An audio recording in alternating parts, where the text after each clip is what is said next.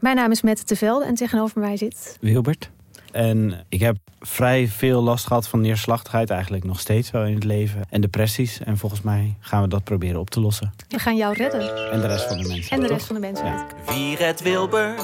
Dat is de vraag. Wie helpt hem bij de kwesties en problemen van vandaag? Luister naar Wie redt Wilbert en de rest van de mensheid.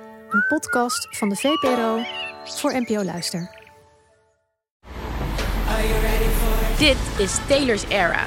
Annelot Prins en ik, Sophie Rutefrans, vertellen je in deze podcast wekelijks alles wat je moet weten over de allergrootste popster van dit moment, Taylor Swift. We bereiden je voor op de Eras Tour, bellen met Swifties voor live concertverslagen. Doorgronden de roddels en geruchten en proberen het fenomeen Taylor Swift beter te begrijpen. Maar we brengen natuurlijk vooral een ode aan onze favoriete popster. Are you ready for it? Luister nu naar Taylor's Era op Spotify en Podimo. See you there. Schattenpoezen, sletten en slettinnen, lellebellen, welkom bij Damn Honey.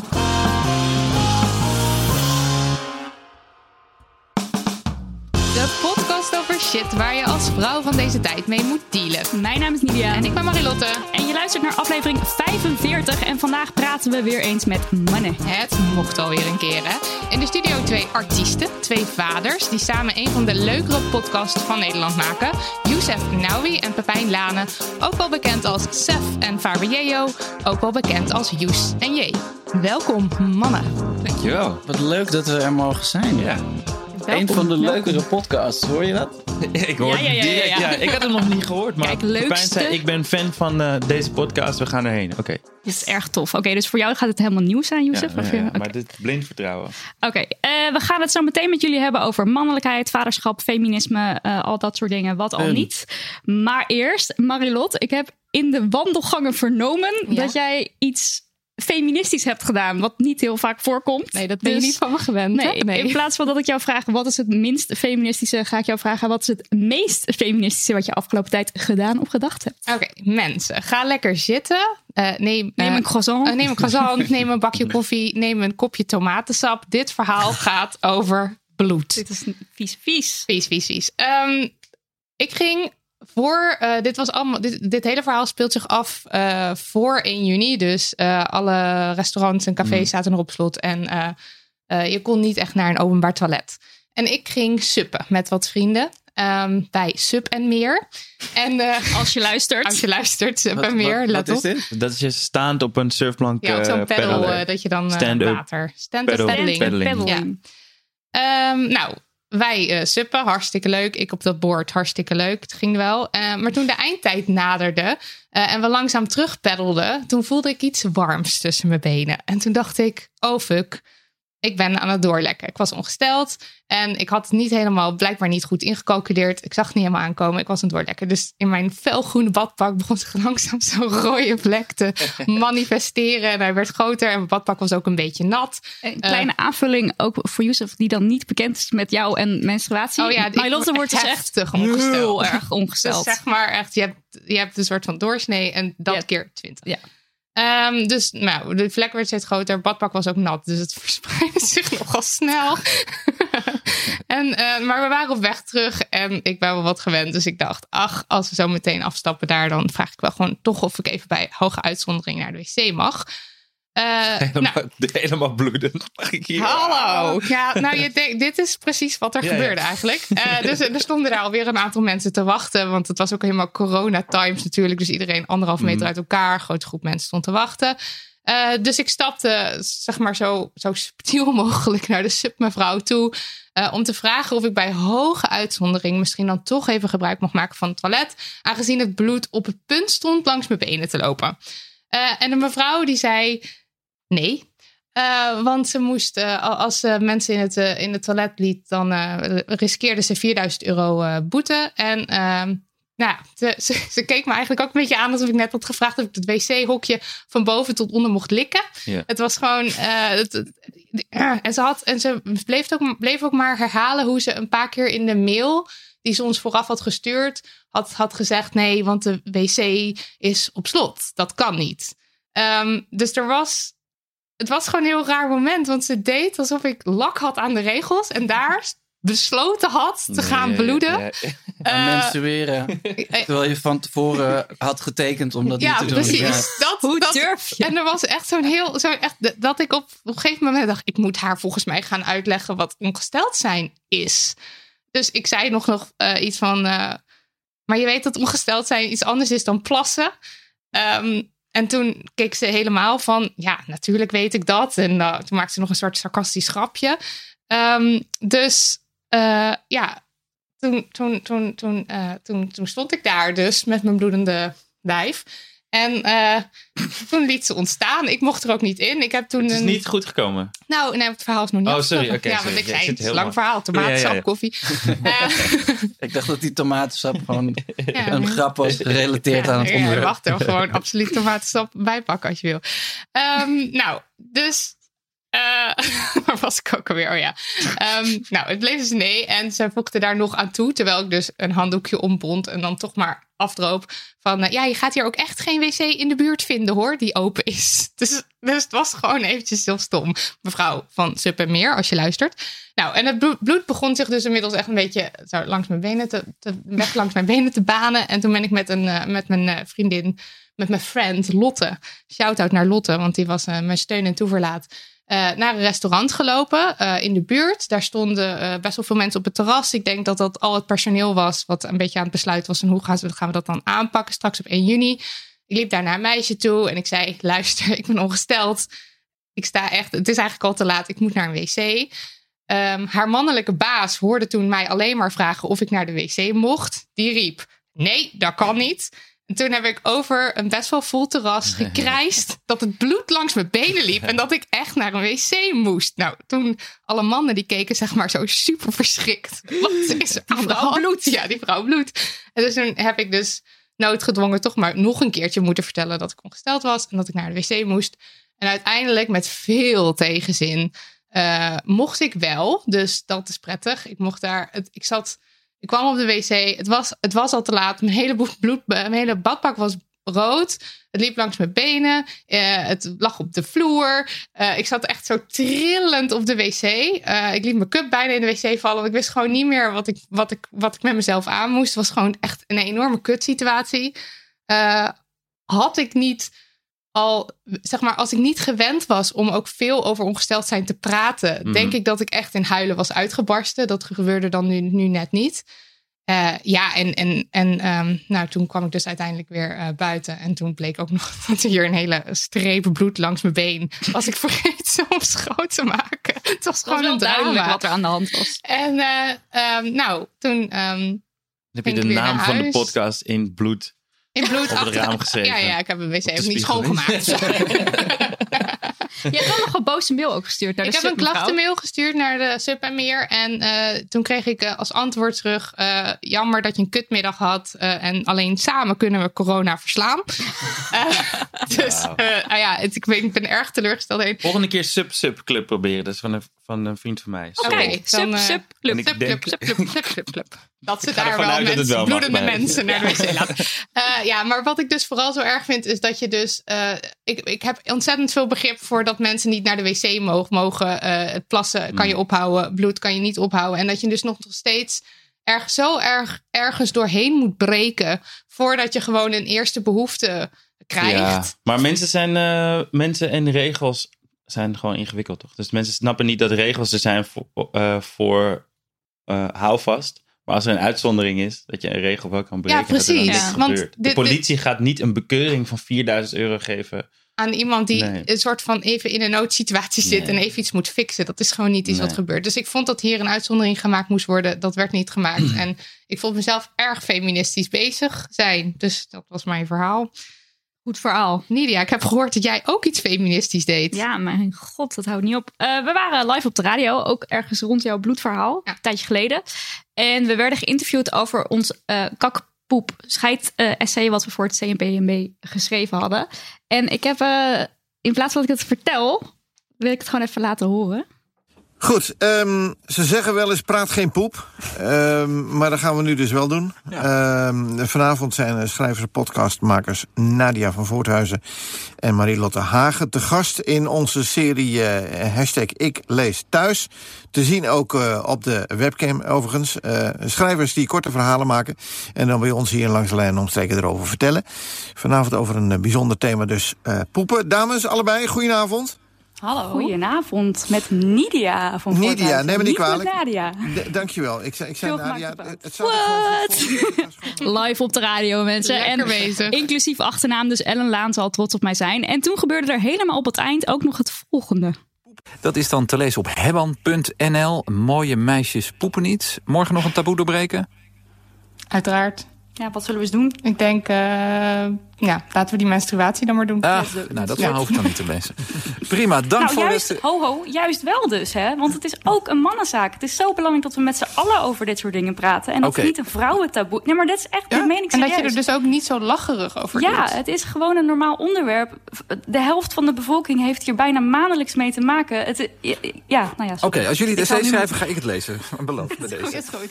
Nou, er zijn dus hier ook... Um webcambeelden van. En je ziet die man echt zo met zijn ogen rollen van god, eerst over poep en nu weer over bloed. en ik, ik ging ook echt zo met mijn vingertje ho ho. dus nou ja, daar was ik erg blij mee. Uh, gaan we naar jullie mannen. We, normaal doen we dus altijd het minst feministische. Ja. Dit is een ja. uitzondering. Maar we hebben besloten dat jullie mogen kiezen. Dus wat ja. je leuk vindt. Ja, ik, um, uh, ik had jullie podcast natuurlijk al een paar keer geluisterd. Dus ik, ik wist dat dit, er, dat dit moment er ook in zat. En ik heb... Uh, eigenlijk, um, ik heb drie kinderen. Uh, een, een zoontje en twee dochters. En die ene dochter is een baby, dus die, uh, uh, daar praat ik nog niet tegen. Tenminste, dat is een heel eenzijdig verkeer. Maar mijn, mijn zoontje en mijn oudste dochter, die, die zijn eigenlijk de hele tijd samen. Ik doe ook heel veel dingen met hun allebei. En ik noemde hun eigenlijk altijd jongens als ik, als ik hun aansprak. En dat kan nu dus niet meer. Nee. Want uh, Shit. uh, nee, mijn dochter heeft zoiets van. Ze, die wordt ook niet boos. Die zegt: Ik ben een meisje. Oh, zij, zij, zij corrigeert jou. Ja, precies. Nice. Dat, dat, klopt niet. Ik ben een meisje. Hoe oud is ze? Uh, ze wordt drie eind juli. Wauw. Ah, Ja. dus bij de pinken. Ja, precies. Dus um, uh, toen dacht ik, oh ja. Um, en toen heb ik een tijdje geprobeerd om ook af en toe meisjes te zeggen. Als ik hun allebei bedoelde. Omdat ik dacht, dat is, dat is dan leuk en dat is dan ook iets fris. Maar dat, dat, dat mocht ook niet van mijn dochter. Want die had zoiets van, nee, Blake is een jongen. ik ben een meisje. Hoe moeilijk is het, pap? ja, precies. Heel verwarrend. Dus nu uh, probeer ik dan kindjes te zeggen, altijd. Ik, ik, weet niet hoe lang dat houdbaar blijft. Maar uh, want op een gegeven moment willen ze natuurlijk geen kindjes genoemd meer nee, worden. dat klopt. Maar dat is dus super moeilijk. Het zit zeg maar zo ja. extreem in, uh, in alle gewoontes. Dat ik, uh, dat ik echt dagelijks bezig ben met... Heb je een, moet je niet een alternatief bedenken? Ja, maar dat was dus meisjes, want dat vond ik heel leuk. Ja, okay. ik, vind het, ik vond het ook heel leuk gegeven dat ik dan ja. dat een, de, twee dochters en één jongen uh, en dat ik ze dan allemaal meisjes noem. Dat, dat, dat, dat je dan ook meteen een les hebt van dat je. Uh, ik zeg altijd als, apies als ik meerdere apies, kinderen ja. tegelijk aanspreek. Maar dat, dat ja. kan ook. Ja, dat, dat kan ook Er kan niet iedereen bij wegkomen in iedere situatie. Maar uh, um, ja, dus dat is. Nou, ik moet zeggen dat nu eigenlijk de afgelopen twee, drie dagen heb ik het idee dat ik het wel enigszins onder, onder controle begin te krijgen. Maar mijn vrouw zegt het dus ook heel vaak tegen ze. Ja. ja. En, mijn, uh, en haar... Jongens. Uh, ja. ja. Jongens. Het zit ook zo diep in de taal. Ja, ja precies. En het, het is, is bijna betekenisloos, maar dat is het natuurlijk ja, niet. Precies. Nee, en, ik, en ik vind het inderdaad ook heel belangrijk dat om, zeker als ze zo klein zijn, niet nu al aan uh, dat soort dingen te beginnen. Ja. En het voelt ook als een hele klein, uh, ja, een, een, heel klein iets om, uh, uh, of, of, een hele kleine stap om te zetten. Maar het is blijkbaar dus alsnog ja. heel. Het nou, is er mega ingesleten ja. aan alle kanten. Ja. Precies. Ja, Want mijn, het, de, het oudste jongere zusje van mijn vrouw, die, dat is de wokeste vrouw die ik ken. En die zei het ook laatst, dat ik moest zeggen: jongens, hè, wat, ja, je, je, praat nu tegen je zussen. dit, dit, dit, dit klopt helemaal niet. En het was ook niet eens eh, ironisch bedoeld, wat, eh, wat natuurlijk ook echt kan. Dus eh, nou ja, dat is mijn... eh, Goeie. Dit is mijn last om te dragen. Ja. Ja, ik had, er, ik had er ook over nagedacht. Ik had de vraag, vraag natuurlijk wel gekregen. En er is één ding waarvan ik niet weet of het het minst of het meest Oh, dat is leuk. feministisch is wat ik de afgelopen tijd gedaan heb. Ik zat in een, in een, eh, in een podcast en toen ging het over beste rappers. En toen ging het op een gegeven moment over beste vrouwelijke rappers. En ehm, toen, ja, dat is altijd al een ongemakkelijk ges- gesprek of zo. Ehm, tenminste, dan ga je op eierschalen lopen. En toen, maar dat, ik besloot dat gewoon niet te doen. Want ik dacht, we, hebben het over rap. Gewoon wie er, wie er wel niet goed is. Dat ik Nicki Minaj een hele toffe rapper vind. En toen ehm, werd er een soort van hardop nagedacht. Ja, wie nog meer dan? En toen zei iemand eh, Missy Elliott. En ik vind Missy Elliott heel erg tof. Maar ik vind haar niet een hele goede rapper. Gewoon los, zeg maar, er los niet van... ook een discussie over op Ja, ja, Twitter precies. Dus, maar dat, ik had het, we naartoe. Ja, daar, daar werken we dus naartoe, ja. Dus ik had, dat, ik had dat gezegd van ja, weet je, ik vind haar heel tof, maar ik, ik zie haar niet echt in de, in de, ja, ik weet niet precies hoe ik het zei, maar ik, vind, ik zie haar niet echt als een rapper. Ik vind haar gewoon een hele toffe artiest, maar ik vind haar niet tof om haar raps. Ik vind haar tof om haar muziek. En eh, daarna helemaal niet meer erover nagedacht natuurlijk. En toen komt Twitter. En toen, nou ja, het was, op, het was op Instagram. Toen had iemand een filmpje opgenomen over. En die ging dat uitleggen dat ze een genius rapper eh, was, is. En eh, toen vond ik het ineens heel ingewikkeld. Want toen dacht ik, ja, ik wil ook niet eh, de weinige vrouwelijke rappers die er zijn, dan gaan aanvallen of zo. Snap je wat ik Mm, bedoel? ja. Ik wil niet dan. Ik vind het alleen maar. Ik vind het al tof dat, dat Missy Elliott bestaat en rapt en zo. Dus dan vind ik het ook niet tof om er iets over te zeggen. Alleen vind ik het ook weer gaar om dan met, met twee maten te meten. Snap Ja. je? Want dat is dan ook weer niet geëmancipeerd, denk ik. Toch? Het, is niet dat- een, het, is niet een, eh, het is niet alsof het een, een, eh, een, een sport is waarvan je kan zeggen: ja, oké, het is misschien niet eerlijk om een, eh, een hele kleine vrouw tegen een hele grote man te laten boksen of zo. De rappers in principe Ja. dezelfde middelen of zo, weet je wel. Ik zou Eh, het ook echt niet tof vinden als mensen zeggen... ja, ik vind je podcast leuk voor, voor vrouwen die een podcast maken. Nee, precies. De- precies. Ik wil gewoon net zo beoordeeld worden als ieder Ja. ander. Ja. Maar ik vond het dus heel ingewikkeld dat ik echt een ander gesprek aan het voeren was dan degene die me er, die me er dus op aansprak. Ja. Want Maar of- ja, Ongeacht wat je mening dan misschien is over Ja. haar werk, is het toch nog steeds wel zo dat we kunnen erkennen dat, dat het gewoon, ja, dat het, dat het tof is dat ze er is. En dat ze een belangrijke rol heeft. Want zij is ook ja, zo. ja, maar het gesprek ging letterlijk over. Of zij. Nee, het gesprek ging over wie zijn de allerbeste rappers van de wereld. Ja, zeg maar. ja. en daar Dus- vind jij gewoon haar niet tussen. Nee, zitten. maar als, iemand, Kan. weet ik veel, dus ik, ik had er, dat, degene die dat zei op, op Instagram, die had ik ook aangesproken van, ja, weet je, als, als we het op, als iemand Buster Rhymes had gezegd of zo, weet ik veel, genoeg mannelijk of ludicrous had ik ook gezegd, ja, die kan heel goed rappen of zo, maar ik vind het niet, De beste. De beste. niet de beste, Ja. is gewoon niet die categorie. Ja. Maar toen, dat zette me wel aan het denken van, ja, ik kan me ook voorstellen dat het niet, dat ik ook gewoon, ik had ook niks kunnen zeggen, of zo. Was dat misschien beter geweest? Ik had ook mijn mond kunnen houden of ja kunnen zeggen. Snap je? Was het, heeft het Ja, iets, toe, heeft het iets soort- toegevoegd? Censureren Of niet? zo. Snap je? ik het vind is soort van, gewoon als je niks, logisch als je niks zegt- aardigs te zeggen hebt, moet je dan iets zeggen. Dat is, dat is een beetje in die... Het is meer.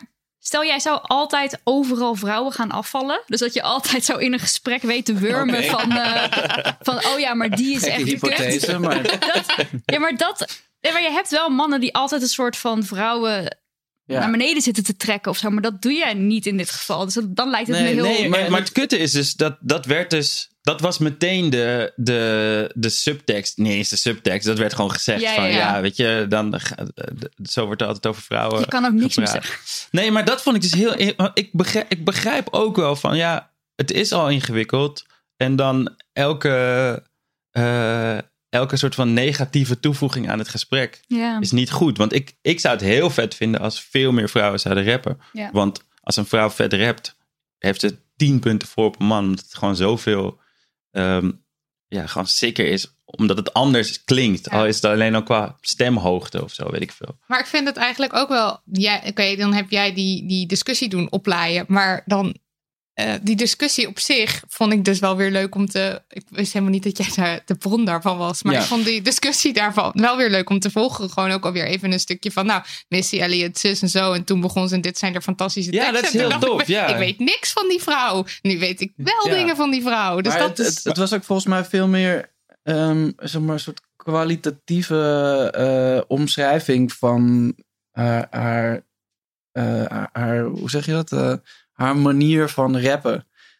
Haar hele ding is, waarom het zo baanbrekend is, is omdat zij alles ook door, door elkaar doet. Ja. En een hele nieuwe stijl heeft, heeft uitgevonden. Maar het, een, het, het gesprek van wie zijn de beste rappers gaat eigenlijk meestal inhoudelijk over een heel specifiek soort technische rap. Ja. Wat ehm, nou ja, Jay-Z en Nas en dat soort mensen doen. dingen die heel erg rijmen op elkaar. En, dan allemaal inhoudelijk grapjes- ook nog heel erg kloppen. En, ja, en waar allemaal grapjes in zitten. En, en, en, en vaak ook nog een sterke boodschap. En, eh, en Nicki Minaj is een, is een heel duidelijk voorbeeld van een vrouw die precies dat doet. Ja. En eh, ehm, Het is ook niet, eh, ik bedoel, het is niet alsof het discussie is van wie maakt toffere muziek Nee. naast of Missy Elliott. Want dan zou ik misschien ook wel Missy Elliott zeggen. Mhm. Snap je? Maar dat was niet. En dat, dat, is, dat is gewoon heel ingewikkeld. Want Ja. ik, ik voelde me, ik merkte gewoon van, oh wacht. Ik begin, begeef me nu zonder dat ik erover na heb gedacht echt op glad ijs. Ik ging ook nadenken over wat ik eerder gezegd of gedacht heb over dingen. En ik kan me ook voorstellen dat dit in, eh, eh, als je het, als je de, hoe noem je dat? De variabelen verandert.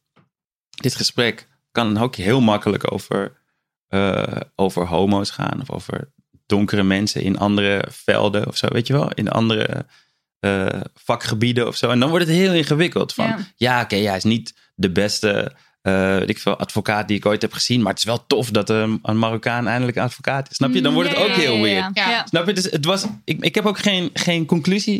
Ik heb geen antwoord of het goed was of niet wat ik had gezegd. Maar ik vond het wel echt een, eh, een interessant moment. Ja. Ja. En ik vond het ook, wat, eigenlijk wat ik wel heel vervelend vond, is dat ik, ik vond wel dat ik oneerlijk bejegend werd in dat Te gesprek. hard. Nou ja, gewoon ten eerste werd het uit de context getrokken. Want je kan het niet los. Ik bedoel, je kan niet alleen maar de quote pakken. Ik vind Missy Elliott niet echt een rapper. En dan verder helemaal niks vertellen over het gesprek. Ja. Dat vond ik niet echt fair. En ehm, ehm, ja, het is, gewoon, het is gewoon een gek gesprek. ja, maar ik vond het wel weer leuk dat, dat die, eh, ik ben even haar naam vergeten. Wiam. Wiam, Wiam. Oh, ja. Dat, dat, zij, dat zij, zij opende eh, dat, haar, haar monoloog wel met dat ze, eh, dat ze jou heel tof Ja, ja, vond ook. zeker. Dat, dat maakte het wel. Ja. Dat, dat vond ik dan wel weer fijn. Want als zij bijvoorbeeld had gezegd. Wie is die Mogol eigenlijk? Ja, precies. Dan, dan had, had ik het argument ook niet meer sec kunnen. Nee, precies. Dan was ik alleen maar boos geworden omdat, om- Ja. omdat jij mijn bestie bent. Nee, maar ik, heb er, ik, heb er ook, ik had er ook persoonlijk aangesproken, zeg maar, van hey, hoe zit het? Weet je, maak je een grapje of zo? Ik had het ook niet helemaal, ik begreep niet helemaal wat, wat, hoe serieus ik het moest nemen of zo. En ehm, ehm, daar had ze dan ook weer heel grappig op gereageerd, van dat onze managements contact met elkaar hadden gehad. Dat vond ik dan weer heel geinig. En dat ze ook zei van ja, en hij bedoelde het niet zo. En maar vervolgens maakte ze wel weer een grapje over iets wat ik dan weer niet had gezegd. En dat vond ik dan wel, wel weer geinig, hoe ze dat deed. Maar ik, ik merkte gewoon, ja, ik kan me wel voorstellen dat het ook niet per se goed is voor. Ook niet per se goed is voor het gesprek. Als je dingen niet kan zeggen. Ja. eh, eh, zonder als vrouwenhater bestempeld te worden. Ah, nee, maar kijk, het, is het, hele ding is ook heel ingewikkeld. Want ehm, waar, het is ook raar dat we nog steeds gesprek moeten hebben Ja. waar- waarin, eh, waarin het op zo'n manier gecategoriseerd Ja. moet worden. Ja. En dat heeft allemaal verschillende redenen. Maar ook een van de redenen is bijvoorbeeld dat, er in, dat het eh, mega disproportioneel is allemaal. Ja. Ja. Dus daarom, daarom lijkt het ook alsof je het op die manier moet zeggen. Terwijl je, je kan ook, ja, je, je kan ook gewoon, je zou ook kunnen zeggen wie is de, de, de tofste nieuwe eh, rapper uit Brooklyn van de afgelopen vijf Mhm. jaar. En dan heb je bijvoorbeeld eh, ehm, Young M.A. Mm. Die, die precies evenveel invloed heeft gehad als, eh, als een Pop Smoke bijvoorbeeld. Qua, qua stijl Ja, en qua... zeker. En d- dus het, het maar dan is het veld kleiner, zeg maar. Dus Ja. dan is het makkelijker om, om ja, oké, ja, te- dat- sorry, dit is, Ja. een, dit, is een beetje, dit is een beetje een tangent. Maar ik was toevallig laatst... eh, eh, werden we met de jeugd geïnterviewd door ehm, een, een eh, voor het Jeugdjournaal. En toen ging het ook hierover. En toen zei ik op een gegeven moment dat ik, dat ik vond dat er veel meer eh, meisjes moesten gaan rappen. Ja. En toen nuanceerde Wiwa dat al met dat, eh, ehm, eh, dat zij daarvoor eigenlijk al tegen worden gehouden door eh, het, de, de, het instituut of de instituten die de muziek uitbrengen en die eh, eh, ehm, oneerlijk kijken naar, eh, naar uiterlijk bijvoorbeeld, Ja. voordat Ja. ze iets Mhm. van je uit willen brengen. Terwijl Ja. dat bij, eh, bij, bij jongens of bij mannen helemaal niet gebeurt. Dus het, het is ook. eh, eh, ook als je dan dus zo'n gesprek hebt waarin je helemaal niet ehm, negatief over vrouwelijke artiesten wil spreken of denkt, Nee, ben je eigenlijk toch al Ja, dat gesprek alsnog aan, Je- het, je- aan het ja. voeren en die, die Je mindset draagt ook bij wel aan, het, aan, het, aan het geheel. Van, Ja. Gaat het over een, een, een vrouw die rapt en dan gaat het toch over iets negatiefs. Snap je? Dus dat, dat was ook wat ik dan echt heel ingewikkeld vond. Dus ik ben. eh, Dus stel je ik komt ga nu hier nog een keer in deze situatie. Ja, dat, ik weet niet Dan wat ik ben- zou- ben je nog niet wat uit. ik Dan gooi je gewoon alles van tafel. Ja. Dan loop je weg. Gewoon weglopen. Daar. Ja, ik, Maar weet je het kan- niet, ik weet het niet. Ik vind het echt ingewikkeld. Want ik wil wel gewoon... Weet je, als we, een, we hebben een gesprek over kunst, toch? Snap je? We- we- daar gaat het over uiteindelijk. En dan wil ik wel gewoon eh, objectief over die kunst kunnen praten. Ja. Ehm, Maar het- wat Pepijn ook terecht zegt, zeg maar, het is wel zo dat er een disbalans is Mm. die invloed heeft op de toestroom van kunstenaars. Ja. Dat is een probleem. Ja. ja. Volgende keer kun je mensen ook doorverwijzen naar Damn Honey, aflevering 45. Als ze willen dat je even een toelichting geeft Ja. op de uitspraken rondom lange Elliott. nuances Missy Elliott. Hey, eh, dit doen we echt nooit. Maar jij, Ja, jij ontdekte iets minst ik- feministisch van jullie beiden. Ja, dit is niet ik was me om nog- jullie te shamen. Nee, Nee. shame maar we ons. hebben wel een shame jingle die we Ja. er achteraan gaan spelen. Absoluut. Eh, het is niet schrikken. Ehm, ik, was het, even, ik was me even aan het inluisteren nog. En ik eh, luisterde naar het nummer eh, Liefde. Wat geschreven is eh, voor Wilders, toch? Of over Wilders gaat het? Eh, t- over wildersachtige mensen. Ja, oh, Wilders typisch. achter. Ja. Ja, gewoon eh, demagogen. In, in, En eh, aangezien ik toch een beetje in... want jullie hebben allebei aan meegewerkt, toch? Eh, nee, ik niet. Jij Oh, tekst- dan kom jij er goed jij doet een intro. Oh ja. Oh, Ja. sorry. Ja. Nou ja, Of outro. maar de tekst Ja. waarschijnlijk Ja. niet. Eh, anyway, als we Ja. toch een beetje in de... Nee, we gaan samen deze in de- boot in. ja, Oké. Eh, Eh, in Heel elk benieuwd. Ik vind het heel heftig is- dat we dit doen. Dit is Ja, eigenlijk ik heel on- onaardig. het- ja, dat is niet aardig. Nee, nee, dat is ook nee, niet Snel, doe het. We zijn hier om te leren. Het is dus een nummer wat geschreven is voor wildersachtige Nee, ja. types. En er zit een zin in, en dat is deze, namelijk... Ook al lijkt het net alsof je permanent ongesteld bent. Zeg, Maar dat zeg ik niet. Nee, dat, maar dat staat wel in tekst. Eh, ja, ik denk dat. Dio dat zegt. Dio, ja. Ja. Oh, Dio. Oh. Ja. Nou, Het is- het is helemaal eh, goed. Waar is de shame jingle? Snel. Ja, Shame. Shame. Nee, kijk, wat we, wa- want wat er gezegd wordt is: eh, waarom zie ik geen liefde in je gezicht? En eh, liefde is het antwoord. Ook al vroeg je niks, ook al doe je altijd als een bitch, ook al kijk je net alsof je permanent ongesteld bent. Dus er wordt hier iemand afgeschilderd. Dit is een slecht persoon, of iemand in ieder geval waar Mm. geen liefde is. Eh, en dat wordt verbonden met menstruatie. Want vrouwen die ongesteld zijn, of mensen die ongesteld zijn, die zijn zagrijnig. En dat is iets waar wij ook ontzettend tegen strijden. Want het is Ja. super vervelend om altijd weggezet te worden als een ongestelde. eh, oh, oh, die is zagrijnig, dus die zal ongesteld zijn. Dat is echt ontzettend irritant. eh, ja, maar dit is dan dit is duidelijk niet tegen een vrouw, toch? Maakt Dat dat, maakt dan niet uit? Dat maakt niet uit. Want je, je verbindt ongesteld zijn aan... Iets negatiefs. Ja. Ja. Ja. En eh, het is ook... Het is wel als vrouw zijnde extra vervelend als je boos bent en je wordt meteen weggezet als dat is niet een pure emotie die je hebt. Ja. Dat is omdat je ben je ongesteld of zo. Nee, Het is zo heel maar erg die- iemand- de, er is wel. eh, de, eh, het komt niet nergens vandaan, toch? Er zijn toch wel veel. eh, eh, hoe noem je dat? Ongesteldheidsgerelateerde mood. Nou, kijk, Issues. dat kan. eh, want je hebt. eh, Niet om te zeggen dat je niet Nee, nee, nee, rationeel nee. kan zijn, eh, natuurlijk. Ja, alleen. het probeer ding- gewoon te ja, denken ja. of het- Maar het ding is wel dat, dat in deze wereld wel heel erg dat stempel gedrukt wordt nu. Ja. We praten niet over menstruatie. eh, dat, het, is, het is nog een taboe. Ik bedoel, dat merk je alweer aan mijn verhaal. Dat ik toch wel ergens, ergens doorheen moet Ja, breken. ja, ja. Dus we hebben echt al genoeg gedoe nog met Mhm. ongesteld zijn.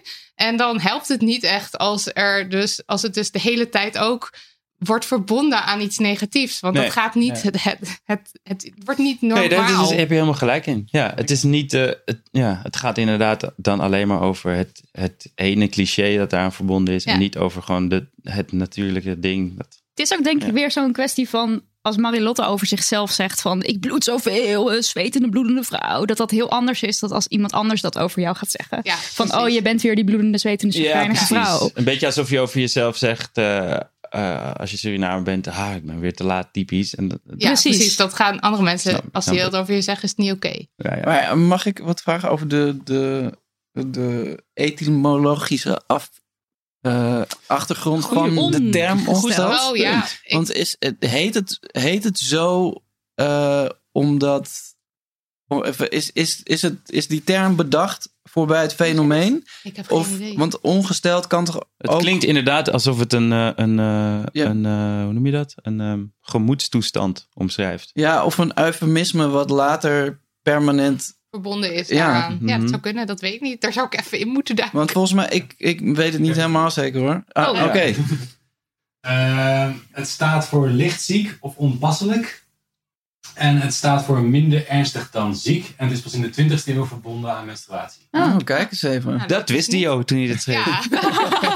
ik ging gewoon uit van die Theo kwam voorbereid. Hoe heet het eigenlijk? Wat? Ja, als je ongesteld bent, dat heet... Menstruatie. Menstrueren? Dat? Ja, maar dat, Ja, maar dat is dat, cyclus, is Het- de- het- de het- cyclus, het maar hoe heet zelf. het? Zeg maar, wat... Menstrueren is het bloeden. Ja, en de menstruatie Ja, dus, cyclus. dus je zou eigenlijk moeten zeggen, ik menstrueer. Ja, dat zou je kunnen Dat is zeggen. eigenlijk de... Ja. Oké, ja, goed. Oké. Nou, leuk. Toch wel wat geleerd. Post, post, post, post. Ja. We hebben twee poststukken. Heeft het, mag ik daar nog e- één ding over vragen? Oh. Heeft het met... eh, eh, denk je met bloed te maken? Dat mensen dat heftig vinden? Of is het, eh, heeft is het het toch een- vooral een misogyne? Ja, precies. Het is misogyne. Het is misogyne. Ja? Ja? Ja, ja dat denk ik. Ja. Het is je wegzetten als minderwaardig. Zo van, oh, je, bent- je bent Ja, maar- opgesteld. je, je wordt in zo'n hoekje geduwd van... Maar We Ja, hebben wel eens zwakke, een gedachte-experiment gedaan van wat nou als, eh, Als mannen ma- ongesteld. als mannen, als macho mannen Hmm. eh, ongesteld zouden worden. Ja, dus Ja. Dan zouden ze een soort Als het van. Nederlands elftal verloren heeft, bedoel je?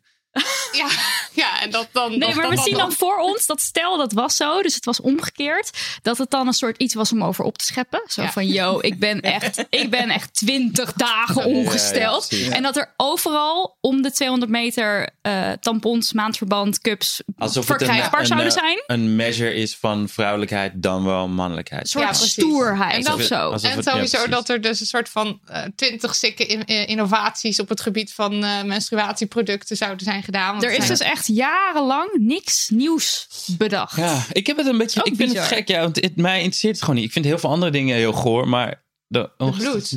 Eh, bloed, het bloed. Ja, bloed vind ik niet per se. Maar ja, ik, ik moet ook wel denken aan. ehm, dit was al wel een paar maanden geleden, denk ik. Zag ik op Instagram een eh, iemand. Ik weet niet meer wie. Ik dacht dat het Erika Lust was. Die had een foto Oh ja. gepost van haar menstruatiecup met bloed erin. Eh, ik zag hem en ik dacht, oh ja, inderdaad, dat ziet er ook uit als mijn cup als ik ongesteld ben. Ehm, maar de reacties daaronder waren echt verschrikkelijk. Dat hoef ik niet te zien. En waarom post je dit? Dus er is gewoon nog Ja, wel maar dat is net als met. eh, net als met. eh Ul, je hebt schaamhaar of zo. Of, Ja, of je ja. hebt okselhaar. Ja. Maar ook bij mannen. Ze van, huh, scheer jij je borst aan? Maar wel van- vooral bij vrouwen. Ja, Ja, ja, nee, tuurlijk. zeker. Maar in het algemeen vind ik dat. Ja. Ja. Denk ik, ja, als, ja ik weet Je niet. had natuurlijk ook altijd die eh, reclames voor eh, van Always of zo met dat blauwe vloeistof. Ik weet Ja. dat Ja, nog ja, ja, kent. ja. Ja. Met rood hoor. Dat er voor het eerst echt bloed in een reclame zat, dat is echt onlangs geweest volgens Ja, mij. dat was of nee, voor het eerst haar in een scheerreclame voor vrouwen. Dat is, dat Dat is was onlangs. twee, drie jaar geleden of zo voor het Ja. eerst. Er dat je vast haar iemand een gouden scheer- lamp voor gekregen. Ja, waarschijnlijk. Een blauwe lamp. Ja, een man. Tijd voor post. Post. We moeten ook jingles hebben. man. Ja, Dat is leuk hè? we moeten ook vaker mensen shamen. Ja. Die shamebell is heel handig. Je mag hem wel lenen, de shamebell. Eh post. Beste dames. Komen jullie ook eigenlijk ook een keer bij ons in de podcast? Graag. Leuk. Ja? Oeverloos praten. Dat lijkt me leuk. Oké. Ja. Leuk. Oké, nu ga ik echt het poststuk voorlezen, mensen. Beste dames, ik heb pas Damn Honey gelezen en ik vond het heel fris en lekker weglezen en vond het heel fijn een positieve introductie tot een aantal feministische onderwerpen te krijgen. Ook confronterend om te lezen over gedrag waar ik me ook schuldig aan gemaakt heb. Zoals niet zo zeuren, het is toch een compliment. Ik heb het cadeau gedaan aan een vriendin, vooral omdat ik hoop dat ze het hoofdstuk over body positivity leest. Ik vind de podcast ook heel leuk en voel me als man ook welkom om te luisteren. Ik vond het ook heel fijn om de inzichten en ervaringen van Sylvana Simons te horen, waarbij ik me ook wel retroactief schaam over hoe ik eerder zo bevooroordeeld over haar was. En dat het geen toeval is dat ik een van de weinige zwarte vrouwen die publiekelijk haar mond opentrekt, toch wel een schreeuwlelijk vond, zonder reden. Dit even tussendoor hebben heel veel mensen aan ons Ja, laten, weten. Ja. dat ze vroeger in gedachten Sylvana Simons aan het toonpolicen waren. Ja. Ehm, het helpt me dus wel met mijn bewustwording van zaken. Ook dat feminisme voor mij als man ook voordelen heeft. Dat ik de ruimte pak om over mijn gevoelens te praten. Dat ik me bewust werd dat ik een verwachting voelde om met iedere redelijk uitziende vrouw te willen vrijen als ik de kans kreeg. Dat ik nee mag zeggen, ook al is ze aardig en knap of leuk en aantrekkelijk.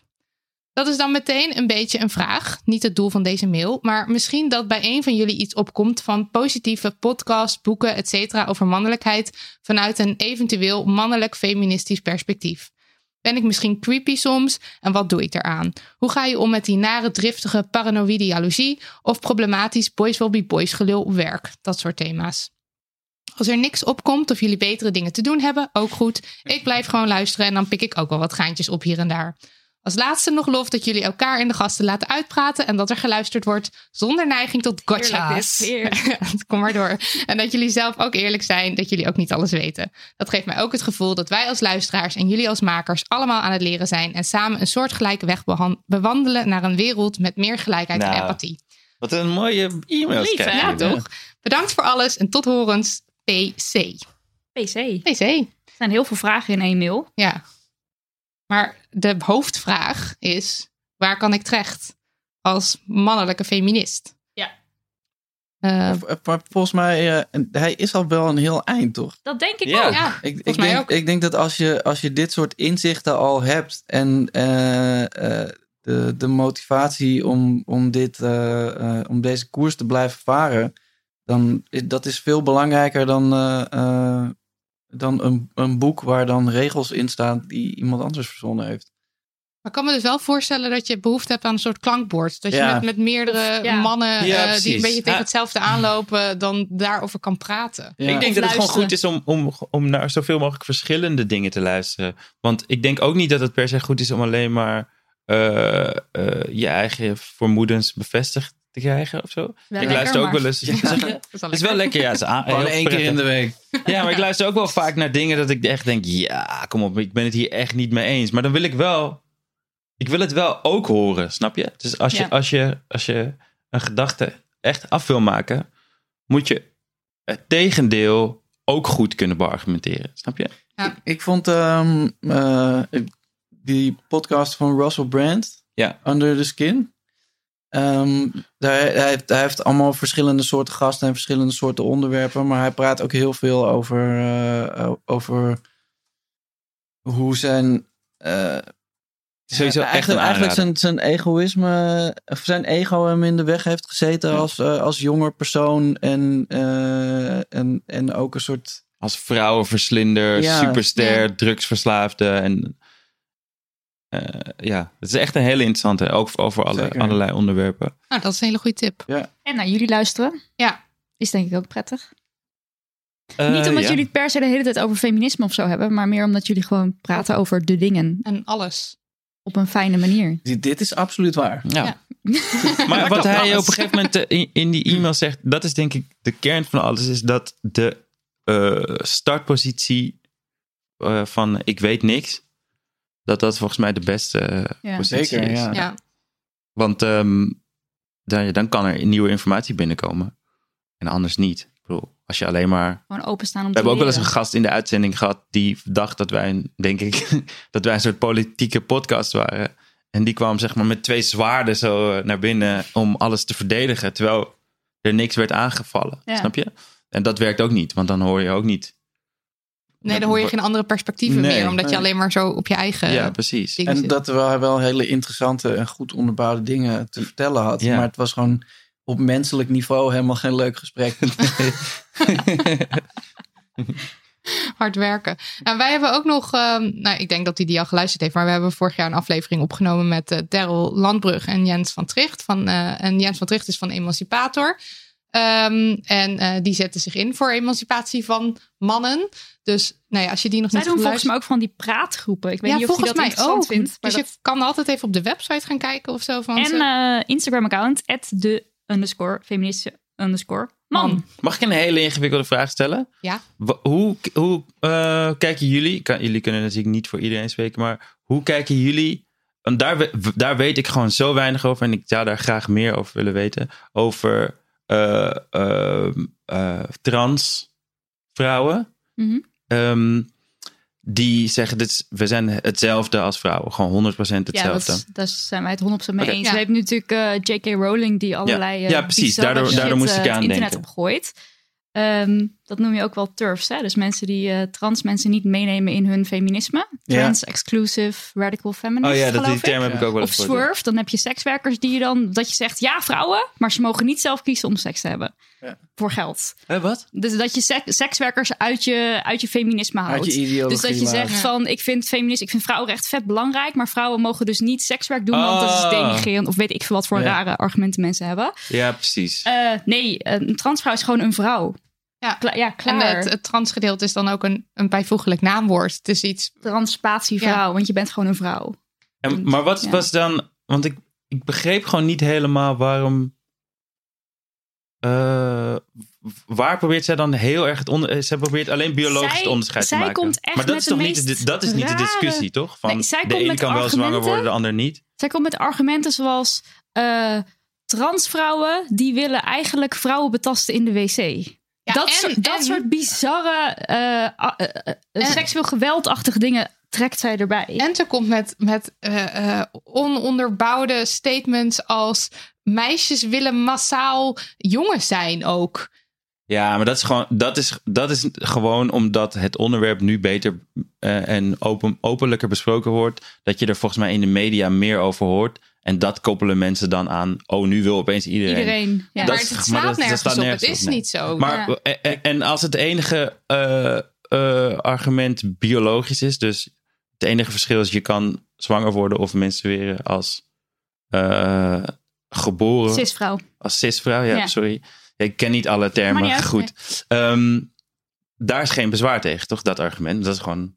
Nee, Ja, maar het is je wel hebt bijvoorbeeld- natuurlijk wel. eh, Maar ik bedoel, intersex- een- Je hebt ook intersexe personen. Het Ja. is niet per, per definitie zo dat je, eh, dat, dat, dat je wordt, of wordt geboren met een vulva en een baarmoeder, Ja. eh, of je wordt geboren met een piemel. Mhm. Eh, maar je, je- dit loopt van alles door elkaar en er zit van alles tussen. En het, het problematische is dat we ons zo rigide vasthouden aan die hokjes en dat ze zo belangrijk zijn blijkbaar voor Ja. ons. Ja. Want het zou dat wij als mensen proberen een beetje de wereld te duiden. Op Ja. die manier begrijp ik wel. Maar er Ook hangt met veel kinderen, veel weet je wel. Eerst wat je vraagt, oh, wordt het een jongetje, wordt het een meisje? Ja, Zo van, precies. Ja, gender blijkbaar reveal, heb je er eh, allerlei ideeën al over of bij. Ja, maar dat vind ik toch wat anders. Ja? Want, ja, want als je.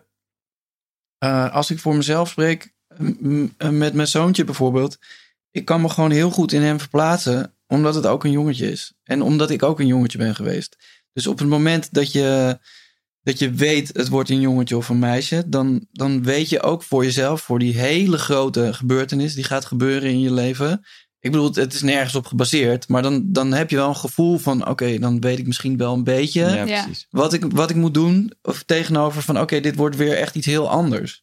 Dat, dat, dat, Maar dan heb je het echt over, over een paar situaties, maar toch? Waar dan specifiek iemand met een penis of iemand met een. ja, zeg maar, voor, een- voor, een, je- voor een vreemde of, of iemand die niet hoeft te dealen met, met jouw kind direct. Ja, ja. En, de, en de opvoeding en de psychologische aspecten daarvan, maakt het inderdaad helemaal geen reet uit wat het wordt. Want zo, zolang we nog heel erg zo denken van dit is een man en dit is een vrouw, dan kan ik me heel goed voorstellen dat je denkt van oké, het is een jongetje en dus moeten we het daarover hebben ja, of gaan we dit doen of gaan we dat doen. Maar Ja. als dat eigenlijk steeds meer blurry wordt, dan Ja, ja, ja. Eh, Oké, dan heb je Maar misschien kijk, de eerste zaadlozing is- of zo, zeg maar echt puur biologie, waarop je dan. Maar is, het, is, Ja. er, is er een vergelijking te trekken tussen. Er is een, een wereld die nog niet eh, zo nadenkt. eh, dus er er is wel een realiteit dat veel mensen Ja. ernaar kijken op Mhm. een andere manier. En moet je je kind daar soort van voor Ja, dit is lastig. wapenen of dit, is, helpen? dit is lastig, maar ga je... is, ja, zeg maar, van, ja. ik kan, je kan wel tegen je, tegen je, je kind zeggen van... er is geen verschil tussen wit en zwart. Of er is Maar geen is er verschil wel, tussen ja. eh, dik en dun of zo. Ja. En, maar, en dat, dat zou er niet moeten zijn, maar dat is er wel. Ja. Hoe, ja, dat, dat is dus wel het Ja, ingewikkelde. En, de- en er- zijn ook. Mijn eh, oudste dochter bijvoorbeeld. Die, eh, we, we hebben hun allebei eh, gewoon heel eh, ehm, helemaal hetzelfde gekleed en eh, dingen gegeven. Niet, niet extreem jongensachtig, niet extreem meisjesachtig. Mijn oudste dochter is super stoer. Die is heel erg op dingen klimmen, in mensen bijten als ze het echt gezellig vindt. Zeg maar, dat is zij. En haar lievelingskleur is roze. Zij heeft nooit iets rozes van ons gekregen. Totdat zij Ja. dus op een gegeven moment alles roze. Roze, roze, roze. Wat is je lievelingskleur? Roze. Wie is je... be- eh, eh, eh, ik- nou ja, dit zegt jullie helemaal niks. Maar jou wel. Je hebt een tekenfilm. Het heet Paw Patrol. Zeker. Daar zitten allemaal honden in. Eén daarvan. Die heet Sky. Die is los. Die is roze. Yes. Wie is je, wie is je eh, wat wil je kijken? Sky, Paw Patrol, roze, roze, roze. Dat komt nergens vandaan. Maar wij koppelen zelf roze aan meisje, hè? Dus dat is helemaal onzin nee, natuurlijk. dat Want is- vroeger was roze voor jongens. Dus dan hebben we het over 100 jaar geleden of Ja. zo. En dat is langzaamaan dus geturnd. Ja, Dus dat, dat wij dat nu koppelen aan dat is een meisjeskleur. Dat is de, dat we dus bepaalde dingen Ja. een gender geven. Dus bier, mannen, thee, vrouwen. Dat is super ja raar. nee, nee, nee, absoluut. Daar, daar ben ik het volledig mee eens ja, hoor. precies. Maar, dat, is, dat is, ik bedoel, dat is mens eigen ook om... eh, om Hokjes. Ja. Ja. Ja, zeker. En, maar ik, ik, ik was er in deze echt heel erg over. Ik, ik had bijna zoiets van: nee, nee, geen roze. roze. Wat is Nee, precies, maar- ik ben ja, al ja. twee jaar bezig met. eh, Maar dit Mijn zoon je... is ook bijna karikaturaal een jongen, zeg maar. Ja. Die is Ja. alleen maar robots, hijskranen en graafmachines. Ja. En, dat soort, en ik, ik ben niet... Ik ben niet geïnteresseerd in robots, kranen. En toch komt En dat. toch komt maar dit hoor je dus heel vaak, hè? Dus dat ouders zeggen van mijn dochter is heel stoer en ze houdt niet van roze. Maar je hoort dus eigenlijk nooit een keer een, over een, een zoontje van ja, die is dus echt vet meisjesachtig. En eh, oh mijn god, Ja, gadverdamme robots. Dus dat het als Jawel. een soort van stoer iets verteld wordt. eh, nee, maar- Jawel, jawel, ja, Ja? zeker wel. Ja, ja, ik ken ook wel echt. Want- Ik heb, ken wel meerdere mensen die een kind kregen die, waarvan ze echt op hele jonge leeftijd al zeiden van, oh, die is heel, helemaal niet zo. Maar zeg maar actief je best doen om je dochter stoer te... Je hoort Ja, ook heel vaak van, oh, ik krijg een meisje. Ik hoop echt niet dat het een tutje wordt. Dus het is een soort van rare eh, idee dat als je een meisje hebt, dat ze vooral de mannenkant op moet. En bij een jongen misschien gaat hij wel de meisjeskant op, maar niet dat je actief Ja. van tevoren denkt, we gaan echt ons best Nee, doen om te ik- zorgen dat hij de meisjeskant op gaat. Nee, ja, maar ik heb sowieso eh, met al mijn kinderen. eh, daar ga ik gewoon helemaal blanco in. Ja. Ja. Zeg maar, qua, qua de. de ik, ik, wil, ik wil ook vooral gewoon de. de eh, eh, weten of het een jongetje of een meisje wordt eh, tijdens die echo. Want dan kan je ook Mhm. nog zeggen van nee, we willen het niet weten. Om- Nee, we willen het niet. ik dacht ook, waar gaan we heen? Ehm, nee, juist omdat je, je bent met zoveel bezig. En Ja. dat is zeg maar één van Een de vragen houvast. die je al, al, Ja. ja. Ja. al beantwoord Ja, ja, kan ja. krijgen. Daarom wil ik het weten. Maar verder interesseert me eigenlijk helemaal niks. Ja. En, en je, ja, het, het slaat ook nergens op om iets te verwachten van een kind wat nog niet eens geboren is. Nee, en toch denk ik dus en dat het is ook wel heel gebeurt. random. Want kinderen, zoals mijn, mijn zoontje, die is dan helemaal hijskraan en, en alles. Maar die wil ook soms een vlecht in zijn haar. Of Ja, ja, ja. eh, nagellak of een Barbie of weet ik veel. Dus zij zien ook nog niet Nee, echt het verschil, zeg maar. Nee. Of zij zien niet per se een verschil. ja. Maar het is wel, ja, ik, ik vind het wel echt interessant en ingewikkeld en lastig om over te praten. Want soms als je een vraag stelt, wordt, het, wordt de vraag gezien als een, eh, als een statement of als een aanval of als een mening, zeg maar. Ehm, en, en wat ik nog ingewikkelder vind, is dat de mensen die er het meest over aan het woord zijn, in mijn perspectief, zijn mannen en vrouwen en niet trans mensen zelf. Ja, ja, Omdat je die gewoon niet veel ziet. Of niet veel. Nee, maar ik denk wel dat dat nu echt gaat veranderen. Ja, Ook omdat eh, mainstream media eh, zijn gewoon niet meer alleen in, eh, Nee, precies. In, in het geven Ja. van een platform. En als je, eh, als je iets te zeggen hebt en een telefoon hebt, dan kan je, dan kan je dat uitzenden en precies. daar mensen mee. Maar toch is het wel echt een niche, gewoon een soort niche groep nog steeds, denk ik. En Nou, dat- maar ik denk dat we, er is echt in de afgelopen tien jaar volgens mij superveel gebeurd. Ook qua. Ja, het gaat zeker de, de, de, de goede kant op. Alleen, ja, ik weet niet. Ja, nee, ik, ik heb nog steeds idee niet- dat, Joe Rogan of zo er nog eh, het meest over zegt, zeg maar, van alle, alle mainstream media. En zijn mening ben ik niet geïnteresseerd als het daarom gaat. Toch? Ja. Ik, Ja, maar. of niet, niet Nee, maar- geïnteresseerd, nee, maar het gaat ook niet- lijkt me niet de woordvoerder voor. Nee, precies. Maar het gaat, gaat gewoon veel meer om eh, toch mensen uit die gemeenschap zelf die een, een platform hebben. En kunnen praten met mensen die daar eh, in geïnteresseerd zijn, omdat ze dat zelf Ja. ook leven of omdat ze dat gewoon willen weten. En daar is nu wel gewoon eh, de, de media-infrastructuur en de, en de tijd ook voor. Ja, dat denk ik ook. En dan eh, op het moment dat zij zelf hun verhalen vertellen en het komt de wereld in, Ja. dan gaat het ook veel meer leven gewoon überhaupt voor mensen. Ja. Zeker. En ik denk sowieso dat er wel echt veel, veel aan het veranderen is, ook in positieve zin. Dus dat, eh, laten we zeggen, tien jaar geleden of zo, als je eh, af en toe douchte, was je nog een metro eh, man. Ja, je hoeft alleen maar te douchen eigenlijk. Ja. Ja, of zo. Dat is zo makkelijk. Of als je, als je kiwis lustte, was je, dan was je ook al een metro man. we love you. Wauw. Zespri, sponsor ons. Ja, en dat, maar dat is dus. Dat, ja, precies. Dat, maar dat vind ik dus heel kut aan, aan de manier waarop soms dit soort gesprekken gaan. Is dat eh, eh, zoiets als dat wordt zeer terecht gewoon om, omvergeworpen. Weet je, zo'n domme eh, uitspraak van Johan Derks. Een van de duizenden domme uitspraken Ja. van hem. En dan de andere kant, zeg maar, super bekrompen mensen zeggen dan: Ja, je kan tegenwoordig ook niks meer. maar- maar- En de mannen op de kinderwc en bla bla bla bla bla. Zeg maar. Dan is het van ja, oké, zo komen we ook niet ergens. Als de Nee. ene groep super woke en, en op de hoogte is, en de andere groep denkt: Ja, maar Dit gaat je helemaal mis. Ja. Alleen je vergeet nu misschien ook wel de, de grote groep Ja, maar die tussenin. hoor je niet. Zeker. Ja, nou ja, die hoor je, die hoor je wel meer. Ja, nee, zeker. Dat is ook wel zo. Maar ik, ik vind sowieso in, in ehm, de tendens van de afgelopen weken, zeg maar, wat, wat, eh, eh, wat, dat er wat meer vocaal en wat meer actie wordt Mhm. ondernomen tegen, tegen dit soort dingen. Ik vind het super goed. En ik ben ook heel. Ik vind het ook heel tof dat dit nu zo massaal gebeurd is. En dat, dat die adverteerders daar ook gewoon eh, vrijwel allemaal ook eh, direct op ingegaan zijn. Maar ik ben inderdaad ook wel bang voor een moment waarop er alleen nog maar mensen tegen elkaar aan het schreeuwen zijn. Ja. En maar ik, ik, en ik vraag, ja, precies. ik vraag maar ik denk af- niet dat er, dat er een manier is om eh, een grote verandering teweeg te brengen zonder, te zonder, je doel Dat voorbij te schieten. ook. Ja, Ja. Zonder te schreeuwen. Nee, nee, nee, dat, dat is absoluut waar. Maar, maar eh, ja, dat vind ik dan toch. eh, Ik denk wel dat uiteindelijk gewoon heel veel mensen die eerst zoiets hadden van... oh, racisme, daar hoef ik me niet zo... Dat heb, daar heb ik niet mee te maken, hoef me Ja. daar niks over te weten.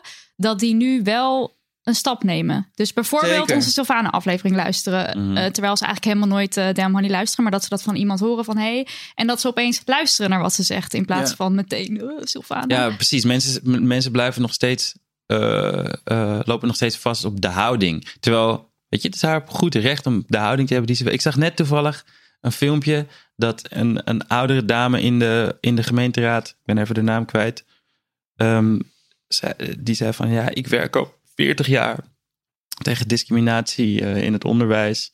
En, ehm, en dan pakte ze een foto erbij van haar met een ja, donkere man. Ik weet niet waar die vandaan kwam. En met, en met hem was ik dit aan het doen.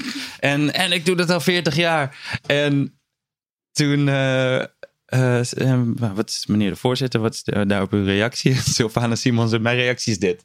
En ze applaudisseert. Oh ja, maar heel heel, erg heel heel cynisch. en Ja, mensen zijn helemaal ziedend van ja, respectloos. Bla, bla, bla. Terwijl ik denk, ja, je, laat, je bent met een foto aan het zwaaien dat je met een donkere man iets aan het doen was. Woep die woe, zeg maar. Ja, Wat goed van je. Dus ja, ik snap ook wel. En dat, dat is het hele ding van, eh, van, van, al de, van, van deze hele situatie nu. Dat mensen denken van ja, maar je kan het toch ook subtiel zeggen. En dit, nee, mensen zijn al heel lang Ja. Heel vaak heel subtiel aan het hetzelfde zeggen. aan het zeggen. Ja, ja. En op een gegeven moment is, is je geduld op. Niemand, Van niemand wordt verwacht om zoveel geduld te hebben. Ik merk ook dat het hele, dat alles wat ik nu zeg, of alles wat mensen met wie ik het eens ben nu zeggen over eh, racisme en mensen over wie ik het niet eens ben, probeer ik nu te betrekken op van, heb ik dit ooit gedacht of gezegd over andere groepen? Heb ik dit ooit gedacht of gezegd over Ja. vrouwen, homo's, trans, joden, whatever. Zeg maar, welke groep dan ook, zeg maar. En dat is echt, denk ik, een... een eh, daarom is dit een handig begin. Zwart-wit is voor mensen vrij Ja. eh, een eh, makkelijk instapmodel voor, voor sociale verhoudingen. En ik denk dat als, als we deze door de deur hebben, en daarom is denk ik Zwarte Piet zo belangrijk. Ja. Mhm. Zwarte Piet, zoals Aquasi het mooi zei, is het logo van racisme in Nederland. Ja. Als we dat kunnen aanpakken, als je die gedachtesprong kan maken, als je, dan, dan ben je echt al een heel eind Ja. om heel veel andere gedachtensprongen ook te kunnen Ja, maken. want uiteindelijk zijn dingen eh, racisme en eh, seksisme. Het is allemaal het is allemaal oppression Het is werkt- connected. Precies, het Ja. werkt hetzelfde. En, eh, en, en eh, eh, until everybody's free, nobody's free. Ja. Ja. Ik was toevallig, ehm, ik, ik kwam laatst ehm, eh, thuis en toen was mijn vrouw een eh, documentaire over eh, transvrouwen in New York aan het kijken. Ook, ik ben even kwijt wie ook weer precies. Maar ik kwam binnen en ik moest nou ook meteen weer weg. En toen had ik in 30 seconden realiseerde ik me ineens. omdat dat leven zo ver van mij afstaat, heb ik het gewoon altijd afgesloten als hier heb ik niks mee te maken en hier hoef ik ook niks van te vinden. Ja. Om, om Omdat die het zo reden. ver weg is. Ja. Voelt. En eh, nee, dat is precies wat, Mm. wat, wat, jij, wat jij zegt ook. Eh, dat, de, dat is gewoon een. Daar is Dat is deze, ook- ja, deze periode een supergoeie katalysator voor. Ja. Eh, eh, het, het gaat niet alleen om, eh, om een symbool als, als Zwart Piet. Het gaat veel meer om eh, een, soort- het soort op, openbreken van een, een rigide stru- Ja. structuur waar niemand tussen Nee, precies. mag. En, en dan kom je er dus echt heel duidelijk achter van wat die stilte doet. Dus als iemand, als je. Ik begrijp ook de gedachte dat eh, iemand uit Purmerend eh, denkt: ja, misschien moet ik me hier niet- niet mee bemoeien. Ik vind het ook niet helemaal oké, maar ja, het is ook niet mijn leven, bla bla bla. En door al die stilte bij elkaar gebeurt, er niks. En Ja. dat, is, dat, dat is wel iets wat ik steeds meer wat ik steeds meer nu inzie van, oh ja, wacht, dit, is, dit geldt echt voor alles. Dus al, alles waar je stil over bent, elk onrecht draagt bij aan het, aan het grote Ja. totaal van, van onrechten. Zeker. Dat is ook wat, eh, wat PC die vroeg nog over hoe ga je om met eh, problematische boys will be boys gelul. En dat soort dingen. Ik zou dan ook daarvan willen zeggen, spreek je uit. Ja, het Want is die gewoon- het is stilte, daarmee zeg je, ik ben, ik ben oké dat jij een seksistische grap maakt of een racistische grap. Of nou ja, weet je, en die, en die eh, Ja, dus zeg er iets van en, en pro- probeer maar gewoon eens wat, toch? Dan ben je Is er- die niet gezellige guy, Als- maar- is er volgens jullie een context waarbinnen je wel eh, problematische grappen kan maken? Eh, Ja, is wat er, is er, een, problematisch is, is er een verschil Ja, tussen. dus bijvoorbeeld thuis, eh, tussen ja, privé, precies. vrienden. Ja, jawel. Ja, ja, ik maak me daar ook nog schuldig aan. Nou ja, er zijn mensen die, die, die, die echt hardliners, die, die zeggen van het mag nooit. Ja, ik weet het niet zo goed. Ik zou Ik- het niet ik- willen promoten, maar ik, ja, kan, ik, ben er denk- zelf nog niet vanaf. Ik, ik denk dat het niet, ik denk dat het niet haalbaar is. Nee, dat Maar het, het grote probleem is, is de intentie van zo'n opmerking. En je kan heus wel van jezelf zeggen binnen een afgesloten ruimte.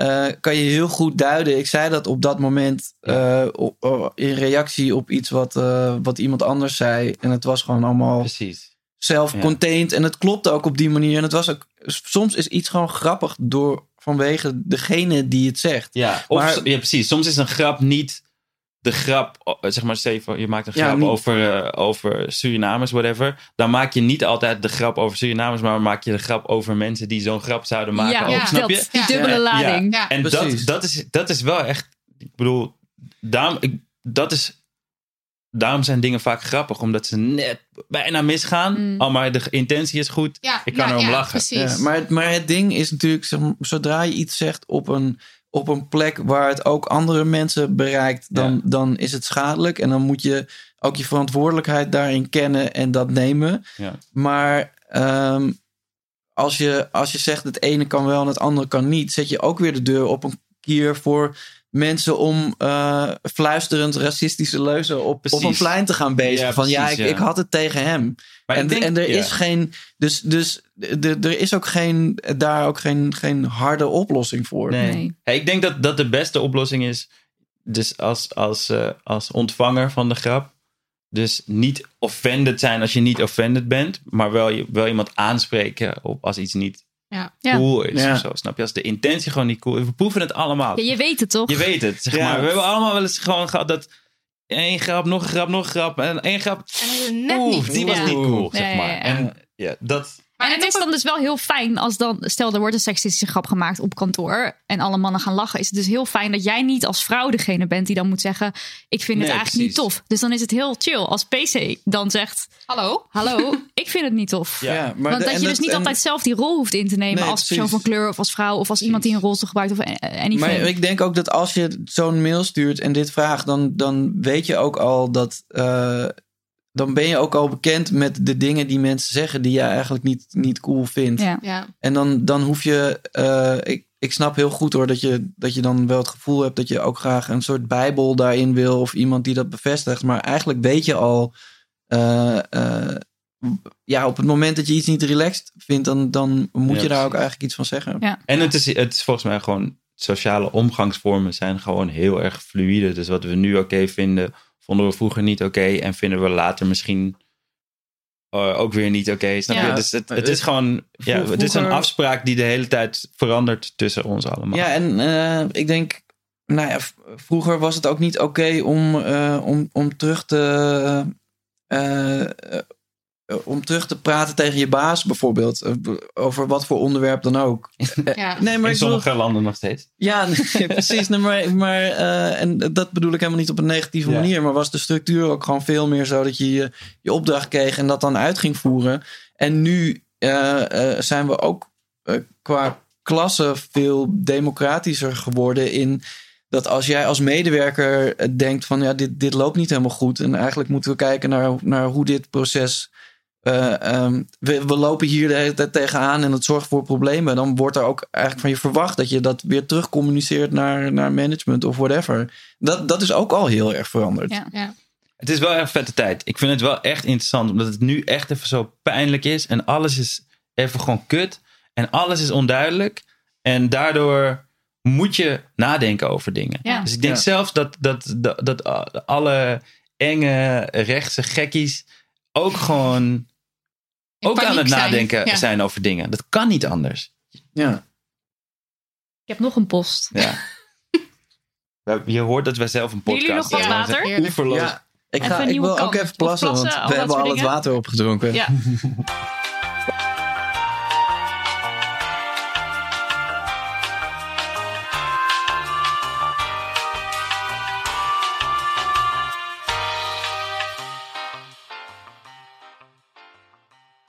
wil even een super feministisch ding van mijn vriend noemen. We zijn ruim 11 jaar samen, hebben een zoon van 9 en een sterretje aan de hemel. Nou zijn beide zwangerschappen drama geweest en de bevalling van mijn zoon heeft een hoop schade aangericht.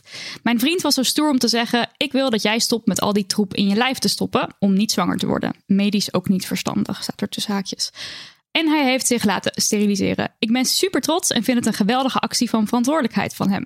We krijgen wel ontzettend veel commentaar van mensen om ons heen. We zijn erg open over ongeveer alles wel en ook over dit onderwerp.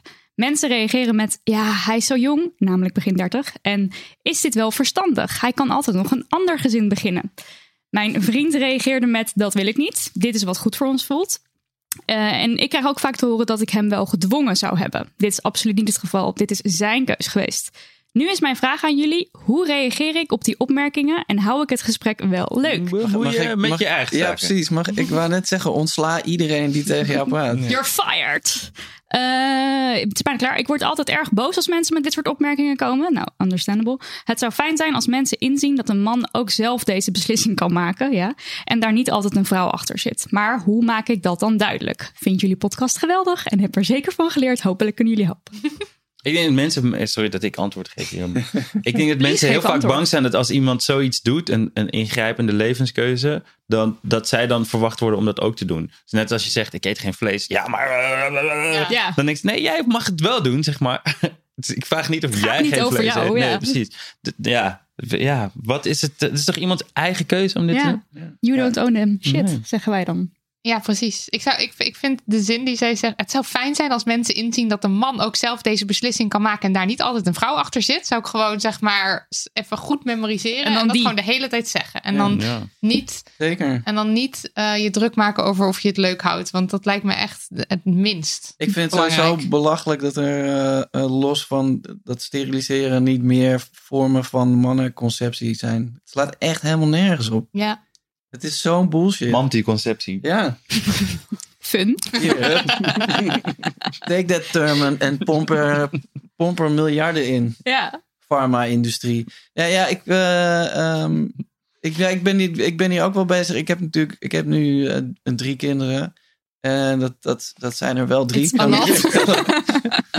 Dus eh, ehm, ik heb dit ook wel een beetje onderzocht. En ik, ik moet zeggen, ik, ik, ik schrik wel van de, de permanentheid ervan. Ja. Maar ja, uiteindelijk is dat ook wat je wil. Want een kind is ook permanent. Dus als je niet wil dat je een kind krijgt, het is of. Of het een of het ander. Ja, het is gewoon een ijsplitsing en de permanentheid zit aan allebei de kanten. Ja. Maar het is ook gewoon, ja, weet ik veel. Het is gewoon ook een irrationele beslissing dat die irrationeel mag zijn. Om het wel of niet te doen. Ja, Ja. En, en net zo, eh, zeg maar, die mening is net zoveel waard. Het is niet omdat hij nog jong is of een, nog een ander gezin kan. Wat? Dat Ja. is een ding wat mensen zeggen hoor. Ik, Ja. eh, ik weet dit van vrienden dat dat ook een ding is. Van ja, maar hij is nu nog jong en hij kan misschien nog een tweede gezin. Ja. Ja, nee, maar goed, dat is natuurlijk eigenlijk het enige grote verschil met bijvoorbeeld eh, een anticonceptiepil of spiraal. Dat eh, het is wel Niet zo, het is permanent. wel- En ja. er is geloof ik wel een soort window of opportunity Ja, om het nog je- terug te laten ja, draaien. Maar dat, Ja. dat is ook niet zonder... Nee, je Nee. moet het zien als iets definitiefs. Precies. Ja. Dus, eh, en, en daarom vind ik het ook belachelijk dat er niet, ja, niet gewoon nog. eh, eh, Tussenweg moet er precies, want eh, eh, het condoom. Leuk, en praktisch, Onthouding. leuk en praktisch als het is. Als je gewoon een serieuze relatie hebt met iemand. Ho, ho, Ho, ho, pas op ho, wat je zegt. dingen. Nee, maar eh, als je een Onze sponsor. Nee, komt zo meteen. Ja, oké, maar als, als, je, als, je, als je een serieuze relatie hebt met iemand, dan is dat toch iets wat je tijdens intieme momenten eh, heel even eruit moet om dat te doen. En achteraf ook nog. doen Daniel en ik. Ja, vijf en een half jaar. Ja, oké. Superleuk. Go, still going strong. Nou, oké, maar Dus het is denk ik- ja, het is nou, maar dat, dat, algemeen het, gezegd het is voor- ook een, ja, het voor ook, jou, dat ja. is ook een persoonlijk ding, inderdaad. Ja, precies. absoluut, maar eh, eh, als je Voor zat mensen werkt het niet om een condoom te Nee, gebruiken. en dat als kan je- je wel Ah, steeds. ja, precies. En als je, als je kijkt naar eh, een spiraal of eh, de pil, Mhm. dan eh, zeg maar het effect is hetzelfde. Want je, je, je wil nou ook niet, niet zwanger worden. Alle, allebei niet. En ehm, eh, je, je bent gewoon eh, met elkaar waarschijnlijk. Dus er er is ook geen, eh, geen reden om te vrezen voor, voor ziektes. Maar zoiets is er dan, dan eh, niet voor de man. Ja, maar ze zijn wel begonnen met onderzoek naar eh mannenpil. Maar Ja. die zijn afgebroken omdat de bijwerkingen te heftig waren. Die Ja. zeg maar vergelijkbaar zijn met alle bijwerkingen die vrouwen hebben als ze aan de pil zijn ja. of aan een spiraal. Ja, precies. Maar daar zijn we aan gewend. Ja, Dus precies. dat- ja. ja. Daar kan je normaal. dus je vraagtekens Ja. bij zetten. Zeker. Nee, ik kan wel echt eh, het verschil eh, met en zonder pil in gewoon ge- ge- geluk, levensgeluk van mijn vriendin was echt is, Was groot. Was mega. Ja. Ja. Echt veel beter En zonder. dat was bij mij dus ook. En Ja. daarom heb, ik- doe ik niks met hormonen. Ik, Ja. ik moet er echt niks meer van weten. Ja. En dan is er dus ook niet echt een chille andere oplossing. Nee, nee maar dat, dat, ja, dat, dat is ook heel... eh, eh, Kut. Ja, ja. Ja. En, en, eh, en onredelijk. Ja. Maar ehm, ja, er, er moet toch ook nog wel een andere optie zijn. Ik, ik, geloof dat gewoon niet. Ja, er is geen. geen eh, Of niet, er, is- Het moet belangrijk genoeg gevonden Ja. worden om daar onderzoek naar te doen en om daar Ja. iets voor te ontwikkelen. maar dat vind ik dus ook heel gek. Dat, eh, dat mannen dus blijkbaar wel genoegen nemen dan met, met condoom. Zeg maar als, als enige ding. ja.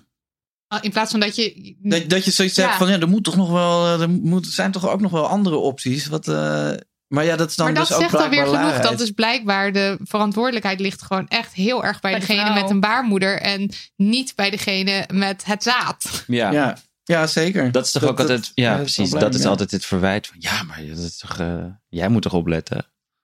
Ja, je- uiteindelijk zit degene bij wie het in de buik groeit ook met de, met de shit. Ja. Ja, Als man is het makkelijker om dan af te zwaaien. Ja. Dat zou in principe De kunnen. Is andere kant dat op te dat kijken. Ja, Ja, zeker. Oké. ik wil, ik Maar wil echt gewoon, even het echte advies sponsor. is praat, praat gewoon met je vrienden. eh, en eh zijn het wel je vrienden. Ja, precies. Als, als, als mensen e- echt tegen jou zeggen... Wat als hij nog een ander gezin wil... Ja. Dan, moet, dan, dan Waar je ze beter kent. ja, of in, of in ieder geval gewoon vragen... eh, waarom zeg jij dit nu tegen mij? Ja, Ja, vraag dat stellen, altijd een goed Ja. idee. Ja, ik kom altijd. Het is, ik weet niet waarom het altijd weer als een soort van. Oh ja, maar Wat vraag, een vraag, vraag Ja. terugstellen is altijd een Heel goed goed. idee. Maar en inderdaad, dat zei iemand eerder ook al... Of dat zei jij er net... eh, over het algemeen... Als, als mensen iets tegen je zeggen wat echt heel relaxed is... eh, dan hebben ze het eigenlijk, eigenlijk tegen zichzelf. Ja. Ja. Het is weer sponsortijd. Yes, we mogen weer fangirlen over onze favo-winkel, de Condomerie. De speciaalzaak met veel kennis over condooms en glijmiddel. Shout-out En alles voor leuke en veilige sexy times. Lydia, Letitia, Louise, heb jij wel eens onveilig gesext? Ja.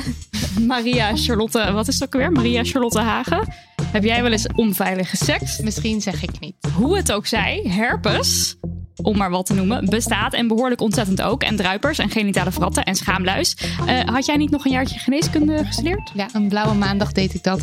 En van herpes kom je bijvoorbeeld nooit meer af. Blijft forever altijd in je lijf. Dus voorkom narigheid en gebruik een condoom. Of een bedflapje, want ja, ja, ja, ook seksende vulva's kunnen iets oplopen. Bij de condomerie vind je een scala aan veilige sexytime producten. In allerhande kleuren, geuren, smaken, maten en gemaakt van verschillende materialen. Dus sowieso valt er iets te vinden waar jij of je sekspartner of je sekspartners mee uit de voeten kunnen. Ga naar condomerie.com om het uitgebreide assortiment te begluren. Of ga naar de fysieke winkel in Amsterdam op Warmoestraat 141. Weet je niet waar je moet beginnen? Vraag dan om advies aan de condomologen achter de balie of online in de chat. Op condomerie.com dus. Condomerie.com. Veilig seks. Hey. Moet je ook Bye, aan die Airbus. X-Tinslijn denken? Ja. Wat? Wat? Ja, hij heeft echt. Hij zegt: Ik, ik loop, ik, eh, loop een condomerie binnen. Zakelijker dan een maskamer. Ik loop een condomerie binnen en zeg: Waar is de paskamer? Nou ja, ze hebben meetlintjes bij de condomerie, Ja, dus dat het komt helemaal goed.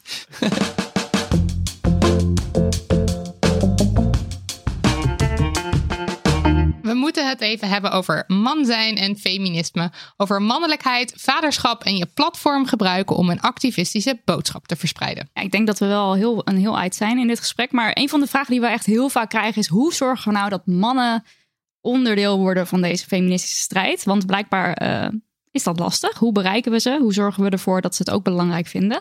Eh, dus onze eerste vraag, noemen jullie jezelf feminist? Of heb je daar helemaal niet eh, Ehm, de neiging naar? Nou, ik, ik moet zeggen dat ik niet genoeg eh, thuis ben in het begrip en de, het uit kunnen eh, leggen van het begrip.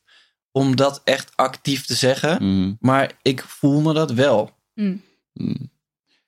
Ja, ik, ik, mij is die vraag wel eens gesteld en toen bleek het een soort strikvraag. Oh. Dus dat je moest zeggen van je nee, je mag je niet zeggen, want Oh. je bent een man en dan Oeh, draag je bij het aan, bla bla bla. En eh, je moet zeggen dat je een ally bent. Alleen dat, zeg maar, dat vind ik ook super slijmerig klinken. Maar eh, in de zin van dat ik vind, wat een super normale mening is dat mannen en vrouwen gewoon gelijk zijn. Ja, Ja, Ja. fantastisch. Precies. 10 punten. nee, maar dat over Maar ja, ik zou er wel meer aan kunnen doen. En dat is de, waar, waar ik het net ook al heel, heel eventjes over had. In deze, door deze situatie die nu speelt, omtrent racisme, kom ik er steeds meer achter van, ah wacht, daar moeten we het ook echt veel meer over gaan hebben. Ja. In, in breedte zin des woords. Ehm, ja.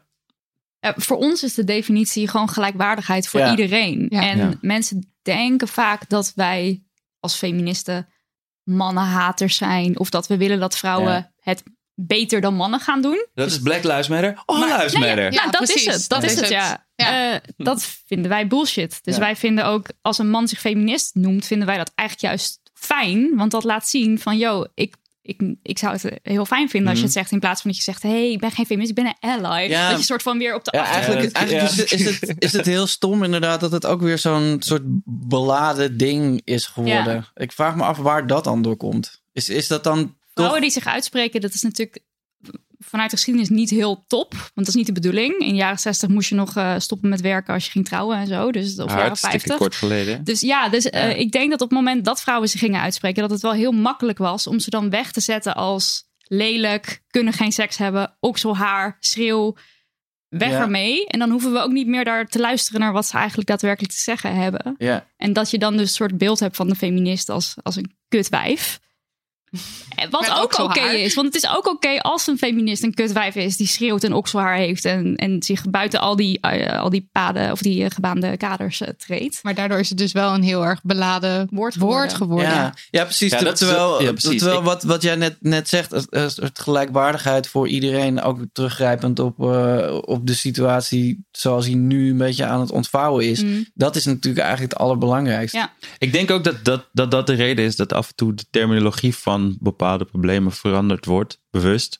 Omdat de terminologie die ervoor voor gebruikt wordt, zo beladen wordt dat je het bijna. Net als als je Amerikanen hoort praten over Democrats of liberals, dan denk je van wat je, het woord democraat of liberaal is niet.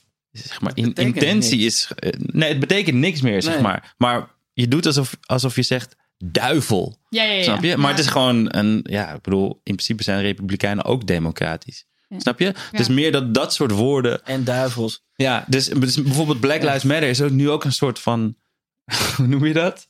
Dus een soort, ja, een, een, een knop die je in kan drukken om iemand helemaal gek te maken. Black Lives Matter. Wat, een Ja, super, meteen. wat echt een meest super milde. Ik weet niet of jullie dat stukje hebben gezien van, eh, hoe heet hij ook alweer, die comedian? Eh, Chris Rock? Nee, Trevor. Nee, nee, nee, nee. Ja, nou ja, ik kom er in de, komt in de, nog voet- op komt, in de ja. footnotes. Die zegt gewoon matter. Dat is het enige wat we, wat we vragen van. Het Ja, dat doet is- ertoe. ja, Ze ja. doen ertoe. We doen ertoe. Holy. That's Het it. is niet, ze staan op één. Ja. Maar dat is wel wat mensen eruit halen, inderdaad. Eh, maar eh, hebben, eh, hebben jullie ook dat beeld over feminisme wat ik net beschreef? Dus een beetje de schreeuw lelijk en... eh, Nee, maar ik maar dus mijn, mijn oudste schoonzusje is. eh, eh, Schreeuwlelijk. nee, is, me, is mega woke en op al deze dingen. Zij heeft me ook jullie podcast aangeraden trouwens. Shout out you. naar Zoe. Lief. Ja. Eh, en eh, via haar, eh, zij stuurt ook altijd linkjes en, en dingetjes. En eh, is ook altijd heel fel in discussie, ook met, ook met, eh, met naaste familieleden. Eh, dus ik, ik was hier wel, wel gewoon. eh, was me wel al bewust van. eh, een, dat we niet meer in de jaren zestig leven. Ja, precies. Ja. Maar gewoon als je je uitspreekt tegen eh, de status quo, vinden mensen je al heel snel een zeurpiet. Waardoor je ook heftiger wordt in je manier van praten. Ja. Ja, dat, ja, dat wakkert elkaar aan. ook. Ja, net als Sylvana. Ik bedoel, als, ik denk dat als mensen haar 30 jaar geleden respectvoller hadden behandeld, dat haar toon nu ook heel anders Ja. was geweest. Over vooroordelen. Ik heb dan weer heel veel vooroordelen over rappers, over hip-hop. En dat er een soort heel erg macho cultuur is. eh, Ja. Eh, seksisme, eh, geweld eh, ophemelen. Hmm. Hoe zeg je dat? Eh, wat hadden we hadden hier? Vrouwtjes voor de lekker. Ja, vrouw, gewoon heel erg dat, Geweld, dat denk klassieke ik, ja. beeld. Mm. En geld en Is, status is en zo. dat iets? Of is Dit dat is echt allemaal waar. bullshit? Dat is allemaal, ja, maar Ja. dat is niet het enige. Ja, Dat Nee, is zeg dat, maar. dat ik, is het meer. ja, ik, ik denk dat wat, waar het misgaat, is dat mensen hun, hun beeld hebben gevormd van wat rap is ergens mid jaren negentig of zo. Ja, toen het nog ook echt een protest... eh, Nee, nee, toen was het eigenlijk al. Toen was het ook al alles. Ja, precies. Oké. En dat, dat ze, ja, noem maar een startpunt. Zeg maar, mensen hebben ergens een streep getrokken. Dit is hip-hop. Ja. Alleen, het is net als als je het over dance muziek hebt, zeg maar. Dan kan je het hebben over bobbeling of trance of super credible techno, zeg maar. Het is allemaal zo verschillend. Je kan er bijna niet éénzinnig ding over zeggen over Nee. het geheel genomen. Nee. En Maar het bestaat absoluut, ja. Wat, je, wat, je, wat jullie net noemden, Ja, allemaal. en, en de, de, de veel van de, van de me- grote mainstream eh, artiesten die bedienen zich ook wel van, nou ja, in ieder geval eh, de terminologieën eh, die, die Mhm. eh, seksistisch en materialistisch en geweldverheerlijkend eh, in, in achtergrond zijn. Maar ja. Maar, eh, ja, uiteindelijk- ook heel veel. Ja, ik bedoel, er zijn er ook echt veel die dat niet Nee, doen, absoluut. Die tegenovergestelde zijn, die juist super open-minded en, en woke en breed. Maar, maar het is een beetje hetzelfde als, eh, eh, ehm, als boeken bijvoorbeeld. Het, ze hebben allemaal een kaft en allemaal, allemaal woorden erin. Maar de ene is Kampf. En de andere is, Ja, ja, ja. nou ja, niet Mein Kampf. Dus dit- ja, er, is, er is zoveel... Het, het, het- ja, het is gewoon een vorm. Ja. Ja. Ja. En, maar is het dan een wereldje waarin je... eh, heb je ooit het idee gehad van ik moet, daar, ik moet ook die macho man Ja, kijk, zijn? weet je wat het is? Ik, ik, mm, er zijn sommige dingen die belachelijk zijn, ehm, maar ook wel, eh, ook wel vet, snap je? Om mee te spelen. Dus je kan ook, je kan zeg maar eh, stoer doen met, met heel veel dingen en spelen met clichés en zonder dat echt te menen. Het is een beetje die, Mm. die humortoon waar we, Waar we Ja, het die over dubbele hadden. laag die er dan. Ja. Ja. Dus je kan, eh, je, je kan dezelfde dingen zeggen zonder dat je ze, zonder, ze, zonder dat ze destructief zijn. Snap je wat ik bedoel? Maar en probeer, eh, maar op een manier dat je misschien zelf wel kritiek levert erop. Ja, Of- of, dat je jezelf in ieder geval niet zo serieus neemt en jezelf. daardoor kritiek er, er, ja, ik, ik, denk, ik denk, het komt sowieso zo, het komt voort uit eh, opscheppen tegen, tegen elkaar. Wat, Ja. wat eerst op de hoek van de straat gebeurde en eh, later in eh, dus eh, battles met dan eh, twee rappers tegen elkaar in een grote feestzaal. En dan de, de, de ene probeerde de ander af te troeven in eh, wat voor stoere dingen die kon zeggen. En eh, dat, eh, dat is gewoon, ja, dat, dat, dat hoort heel erg erbij. Ik bedoel, alsnog niet iedereen doet dat. Maar dat, dat, Dat zit er wel ingebakken. ja, En, maar dat hoeft helemaal niet per se negatief te zijn. Je kan ook, ehm, je hebt bijvoorbeeld ook eh, in de jaren negentig had je eh, rappers bij het label Cash Money. Die dan eh, vier Rolexen om twee polsen hadden. nou, dat is gewoon heel sick. en, en, daar, en, en daar kwets je niemand mee. Ja, ja, dat, is- ja, dat klopt. En je moet ook dingen wel binnen, binnen context plaatsen. Zo. Dus net als denk ik, als je een, iemands uitspraak beoordeelt, dan beoordeel je ook wat diegene allemaal weet, waar die vandaan komt, hoe die opgegroeid is. En, en ehm, dus iemand die uit de ghetto komt, zeg maar, niks heeft gehad en vervolgens vier Rolexen koopt, is een ander verhaal dan iemand die in Amsterdam-Zuid is opgegroeid. Tussen en- de Rolexen. en de- ja, precies. Je, en, en dan vind ik het ook wel, zeg maar, ik, ik, ik- eh, je ziet ook best wel vaak rappers groeien in wat ze zeggen of zo. In, eh, Mhm. in, eh, bijvoorbeeld, als je Jay-Z heeft vroeger ook best wel heftige dingen gezegd over homo's, over vrouwen en zo. En, maar die is ontwikkeld. En dat, dat is, het is ook gewoon, mensen schrijven over hoe ze zich op dat moment voelen, wat ze, wat ze denken. Maar ja, het bestaat nog steeds. En ik denk ook dat je het af en toe ook uit moet zetten eh, of het oké is, net als dat je soms een film kijkt of een computerspel. Ja. Het is soms ook wel lekker om het even uit te Van zetten. ja, moet Zo ik moet je het je hoeft overal niet al de. Ja, precies. En, en nogmaals, ja, het is gewoon een, een, het is ge- gewoon een vorm die, ge- die niet inhoudsbepalend is. Nee. Dus het is niet zo dat als je een rapper bent, dat je dan stoer moet doen of slecht moet praten over, eh, eh, over anderen of whatever. Dat, dat, dat, dat staat je helemaal vrij. Ja. En, maar het is wel zo dat door een, dat een gedeelte van de oorsprong van rap, en zeker niet alles, maar een gedeelte was protestmuziek. Daar, da- daardoor denken mensen nog steeds dat je als rapper verplicht bent om protestmuziek te maken, zeg maar. Terwijl dat helemaal niet bij andere eh, muziekgenres Dat wordt dat helemaal niet van je verwacht Ja. om teksten. Niemand zegt tegen Guus Meeuwis, waarom maak jij nooit een nummer over Spreek je eens politiek? uit. Ja, spreek je eens uit. Ja. Snap je? En Ja, ik, ja, ja. Ik, denk, ik denk ook helemaal niet dat dat. eh, ik, ik, muziek is ook. Ik bedoel, het is een hele goede vorm om dat wel te doen. Maar, Ja, maar, maar het bestaat ook voor mensen om even dingen los te kunnen laten. Ja. En, en eh, eh, ik denk dat alle kunst kan op meerdere, op meerdere lagen bestaan. En het kan te maken hebben met een gevoel van, van de kunstenaar dat hij dat hij graag kwijt wil. Of een boodschap Ja. die hij wil communiceren en echt iets overbrengen. Dat zijn ook allemaal hele verschillende dingen. Ja, dat, dat ge- gezegd hebbende, ik was wel die, ik was die Russell Simmons documentaire aan het kijken. Heb je die gezien? Eh, welke? Die eh, eh, off the record of on the record. Dat gaat over eh, eh, eh, heel veel, eh, hoe noem je dat? Seksuele eh, aantijgingen tegen, Tegen hem? Oh, ja, ja, ik heb en dan de, de, de, de vrouwen die vertellen het uitgebreid, super heftig.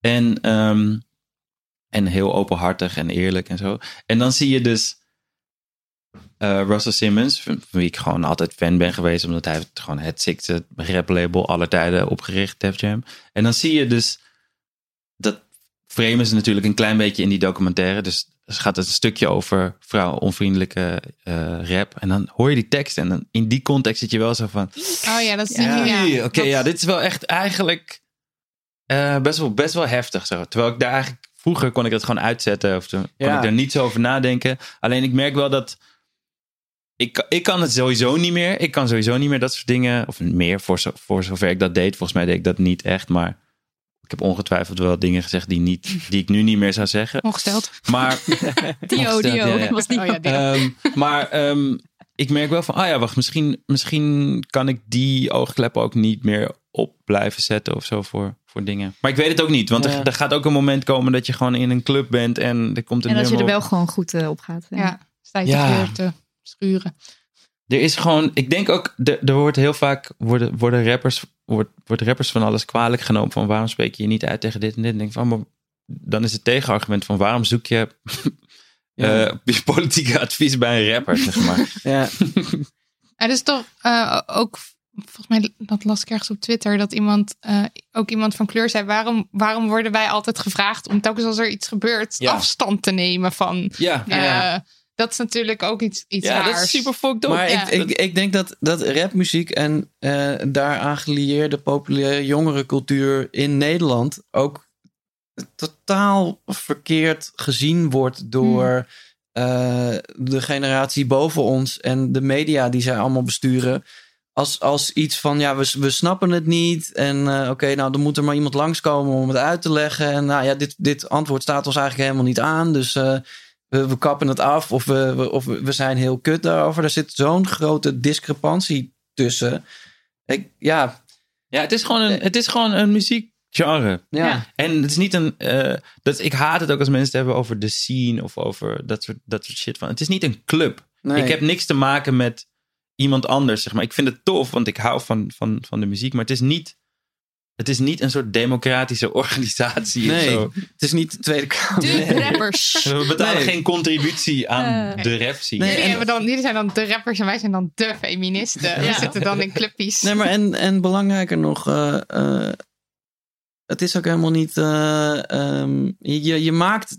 De muziek die je maakt, maak je omdat jij het wil maken. Het is gewoon een, een uiting vanzelf. Het, Ja. het is ook gewoon, gewoon kunst. En, en het, het wordt op de een of andere Het wordt dus ook door, eh, door externe factoren zo, zo samengedrukt. En eh, ook al staat. eh, weet- nou ja, ik weet niet wie, wie nu die rapper is, maar Josilvio of whatever. Mensen die, die komen gewoon op één binnen in de reguliere top 40.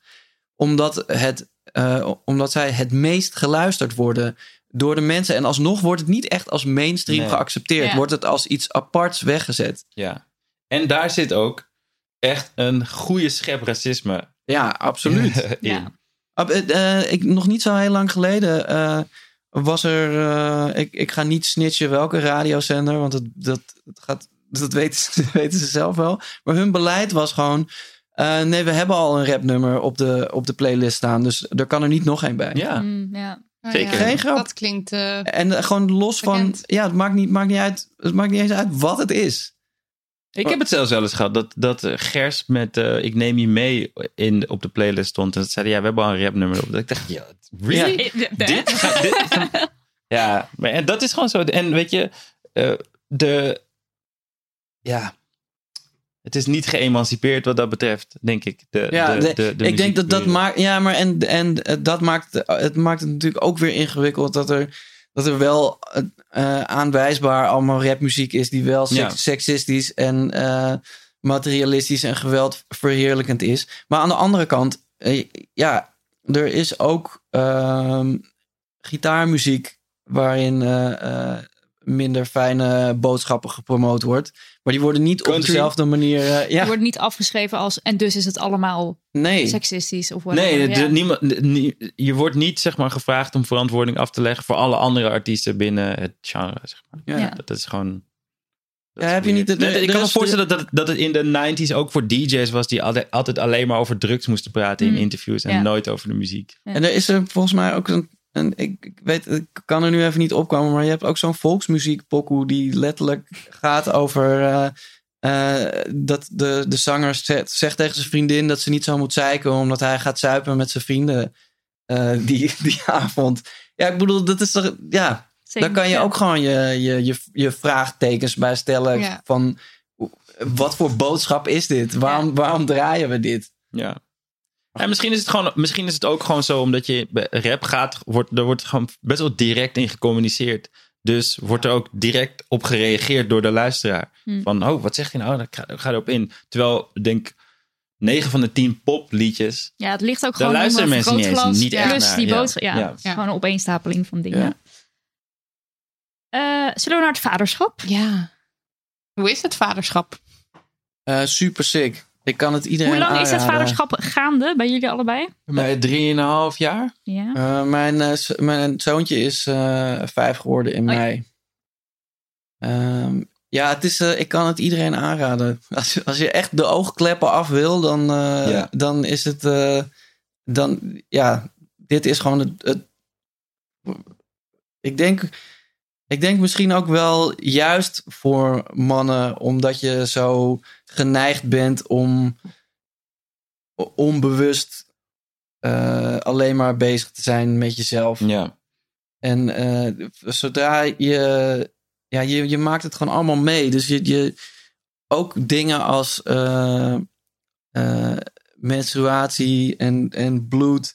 En zeg maar de, de, de lichamelijke dingen van de vrouw die niet seks zijn. Daar heb je ook gewoon heel direct en op een natuurlijke manier mee te maken. En eh, eh, sowieso is, dat vergeten mensen ook wel eens, dat, dat eh, seks en kinderen is onlosmakelijk met elkaar verbonden. Ja, maar dat is heel gek. En als je, als je, als je dat eenmaal zelf hebt meegemaakt, dus, dus de, de bevruchting en dan de, de, de zwangerschap negen maanden lang en dan de geboorte en dat er echt een kind is, dan realiseer je, ja, je, je, je wordt echt op, met je neus op de, op de kosmische feiten gedrukt wat dat betreft.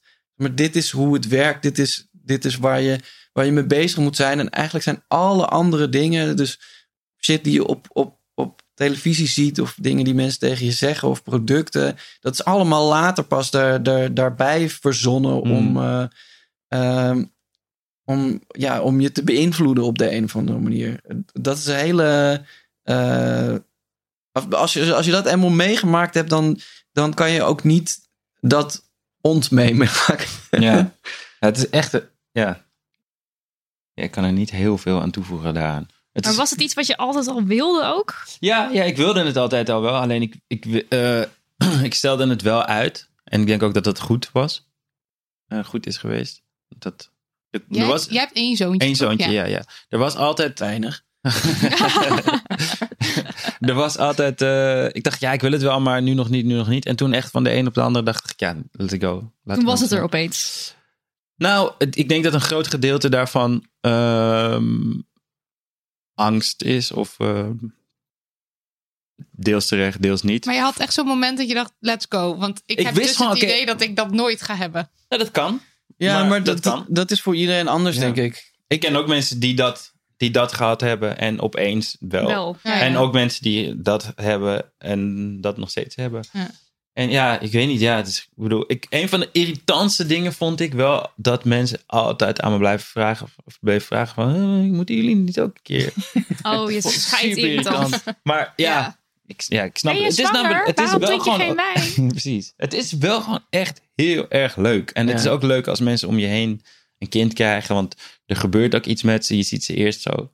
Als ik nu naar foto's of beelden zeg maar, van de beginperiode kijk, dan zie ik echt iemand die helemaal soort verdwaasd is. Helemaal zo. "Huh?" Ja.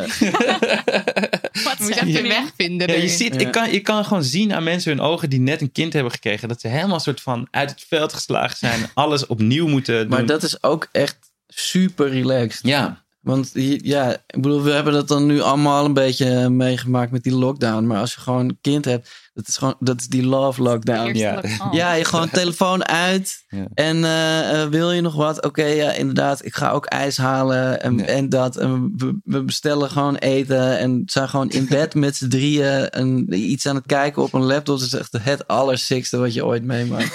Vanochtend... je, hebt, je- ja, je hebt echt helemaal niks nodig ook. Ik had vanochtend een, een grappige opvoedkundige situatie. Het is best wel warm vandaag. En ik ging mijn zoontje naar het kinderdagverblijf brengen. En hij zei, ik wil mijn grote schoenen aan. Ik wil mijn schoenen aan. En, maar de vorige keer had hij, had hij schoenen aan toen het ook zo warm weer was. En toen kwam hij echt met zweetvoeten thuis en bla bla. Dus van, oké, laten we gewoon zijn sandalen aandoen. En ik haatte sandalen vroeger, Oké. zeg maar. En ik, vond sandalen echt heel kut. Maar ik dacht, ja, het is wel beter voor hem. En hij zegt, nee, ik wil geen... Wil mijn sandalen niet aan. Mijn sandalen zitten niet lekker. En hij ging maar door. Ik wil mijn sandalen, mijn san- sandalen niet lekker. Op een gegeven moment was ik mijn tanden aan het poetsen. En toen liep hij zo, eh, liep zo de hoek om bij de, bij de badkamer. Keek hij zo naar me. En, toen, en hij had iets achter zijn rug. Ik zei, wat heb je achter, wat heb je achter, achter je rug? Ik dacht, hij heeft iets te eten gepakt of zo. En dit had hij zijn schoenen. En toen dacht ik, ja, shit. Ik heb nu wel gewoon de hele tijd gezegd dat hij zijn sandalen aan moest. Nu moet ik erbij blijven. Maar eigenlijk ben ik het met hem eens. Sandalen zijn kut gewoon. Dus voor mij hoeft hij het eigenlijk helemaal niet aan. Maar ben ik er wel bij gebleven. Maar dat is dan heel grappig. Dat je dan ook denkt van, ja, waarom doe ik dit eigenlijk? Volgens mij Ja. doe ik dit ook gewoon omdat het vroeger, als het bij mij moest... Dan Dan- moest dan het moest ook. het gewoon, ja. ja. Autoritaire. Van wraak. Ja. Ik had eh, eh, een vriend van mij die is vader geworden. Die hij heeft ook in de podcast heten Jammer, voor de mensen die dat nog weten. En ik was eindelijk op bezoek en het kindje wordt twee maanden. En hij vertelde, ik vroeg aan hem van eh, vaderschap, hoe is het? En toen vertelde hij dat hij bij de zwangerschap wel had, dat hij voor het eerst eigenlijk uit het gesprek gewist werd. Dus dat je bij een verloskundige of zo bent en dat gewoon alle aandacht naar de vrouw gaat. En dat hij dat eigenlijk voor het eerst meemaakte, dat hij als man dus ja, een beetje genegeerd werd, dat het niet om hem ging. He- Herkennen jullie dat? Ja, nou, ik, ik, ik snap nee. het wel, maar ik, ik had eigenlijk meteen zo. Ik voelde mij meteen eh, in die positie gewoon als: oké, ik moet nu gewoon faciliteren. Ja. Mm, en, ja. en, en het gaat Ja. allemaal om die vrucht. En Dus die het heb ik niet in mijn buik. Ja. Ik vond het wel vervelend, periodes, dat ik niks kon doen. Ja. Dat ik er niks, dat ik niet echt iets, ik bedoel, ja, niet echt iets. Niet, niet iets waarvan je zelf ook het gevoel hebt dat het echt iets toevoegt. Snap je? Ik bedoel, een bak ijs halen op het moment. Ja, het is lief, maar het is Ja, niet het, maar het- het- de last overnemen. Nee, nee, precies. En, maar wat ik dan ook wel echt interessant vond, dat er, dat er een soort nieuwe versnelling kwam van verzorging en, en dingen regelen en verantwoordelijkheid nemen voor shit. En opeens blijken eh, dat je kan klussen en zo, dat soort dingen. Ja, dat is- bij mij is dat nog niet gebeurd. Ja, nee, dat, dat ging bij mij allemaal aan. En dat je gewoon, dat je, je, je, je Ja. gaat een soort gek instinct gaat aan van, oké, ik moet, eh, de, de omstandigheden moeten, moeten nu Dat is dan in ieder geval wat je kan doen. Maar dat is, Ja. dat is ook niet voor iedereen hetzelfde hoor. Nee, nee, nee. Ik, maar, ik maar- heb ook voor mijn. Voor, voor, voor mijn gevoel, en- en dat was dus was bijvoorbeeld bij Willa en Fred volgens mij hetzelfde. Dat wij ook wel alle drie een beetje zo het idee hadden. Want onze, onze kinderen zijn allemaal ongeveer eh, even oud, maar wel steeds een, ongeveer een half jaar ertussen. Maar wel in één periode allemaal voor het eerst vader geworden. En we hadden allem, allemaal eerst zoiets van: oké, nu gaat dan nu is dan alles anders. Of, of, of als het kind is, dan, dan is alles anders. Maar zo was het dan ook weer niet echt. Maar dat, dat, eh, zeg maar, toen jij een kind kreeg, was ook wel een van de, van de doorslaggevende momenten. Dat ik dacht, ah, maar Dan kan hij het leeft ook nog misschien. gewoon. Ja, zeker. Ja, het gaat nog. Maar ja, het, het Ja. gekke is ook dat je, dat je eigenlijk als je, als je je eerste kind krijgt... Het, het is wel een monumentaal verschil met, eh, eh, met daarvoor. Maar het is ook niet zo... Je, je hoeft ook niet zo heel veel aanpassingen aan je leven te doen. Zeker niet in het, in het begin. Eh, als, als het gewoon een kleine baby is... Je, je kan nog vrij makkelijk... eh, het, het kan één van de twee met de baby zijn en dan doet de ander gewoon eh, nou ja, sport of werk of, of iets anders. En je, je, kan ook, je kan ook vrij makkelijk vragen of, eh, of er iemand op kon, op kon passen en dan gewoon uit eten gaan of samen iets leuks doen. Een baby is sowieso vrij overzichtelijk. Ja, Die kan je gewoon neerleggen. Ja. het is eigenlijk is pas, ja, het is eigenlijk pas later dat je, je- ja, als ze ook gewoon meer begint te communiceren en meer van je, van je gaan beginnen te vragen, dat je je af begint te sluiten en ook gewoon ehm, dingen, eh, bijvoorbeeld sociale contacten, gewoon af begint te kappen. Als je, ik, op een gegeven moment had ik ook heel duidelijk zoiets van, nou, mensen waar ik niet mee werk en die geen kinderen hebben, daar, dat, dat werkt gewoon niet meer. Want die, die, die, die, die, die ik wil gewoon. eh, ja, die, die communiceren gewoon op een andere manier. En, en wat zij dan van je, van je vragen of van je verwachten, dat, dat werkt ook heel anders. En dat kan, dat kan ook wel weer bijtrekken. Want ik, Ja, heb dat ook, zeker. ik heb dat ook wel gehad met, met mm, vrienden die gewoon ja, zo'n ander leven hadden. Dat dat gewoon inderdaad eventjes niet werkte. En dan, dan eh, hoor je heel lang niks van ze. Maar daardoor denk je ook, oh wacht, dat deed ik ook bij die. Ja, precies. Toen, weet je, Toen en je nu snap ik het. was. En, Ja. en dan vergeef je het ook gelijk. En dan Ja. is het daarna ook meteen weer goed. Het is gewoon anders. En je- het is wel een, een soort offer in, in die zin. Maar het is gewoon... Het Het is is het, gewoon het echt- beste wat er is. Ja. En, eh, en hoe is de zorgwerkverdeling bij jullie thuis? Verdelen jullie alles ehm, eerlijk? Ik bedoel, Zover de- dat kan. De bevalling wordt natuurlijk Uitbesteed. uitbesteed. nou, het is gevoelsmatig vooral. En ehm, eh, mijn vrouw is net weer begonnen met werken. Zij is eh, eh, eh, sportschoolinstructrice bij eh, de Vondel Gym. Zij eh, eh, doet klasjes die Stronger heten. Dus ze traint specifiek vrouwen ehm, die zeg maar, voor en na zwangerschap en Mm. eh, areas waar zij op moeten letten en die handig zijn. Maar daar kan je ook aan meedoen als je niet zwanger bent of van plan bent om zwanger te worden.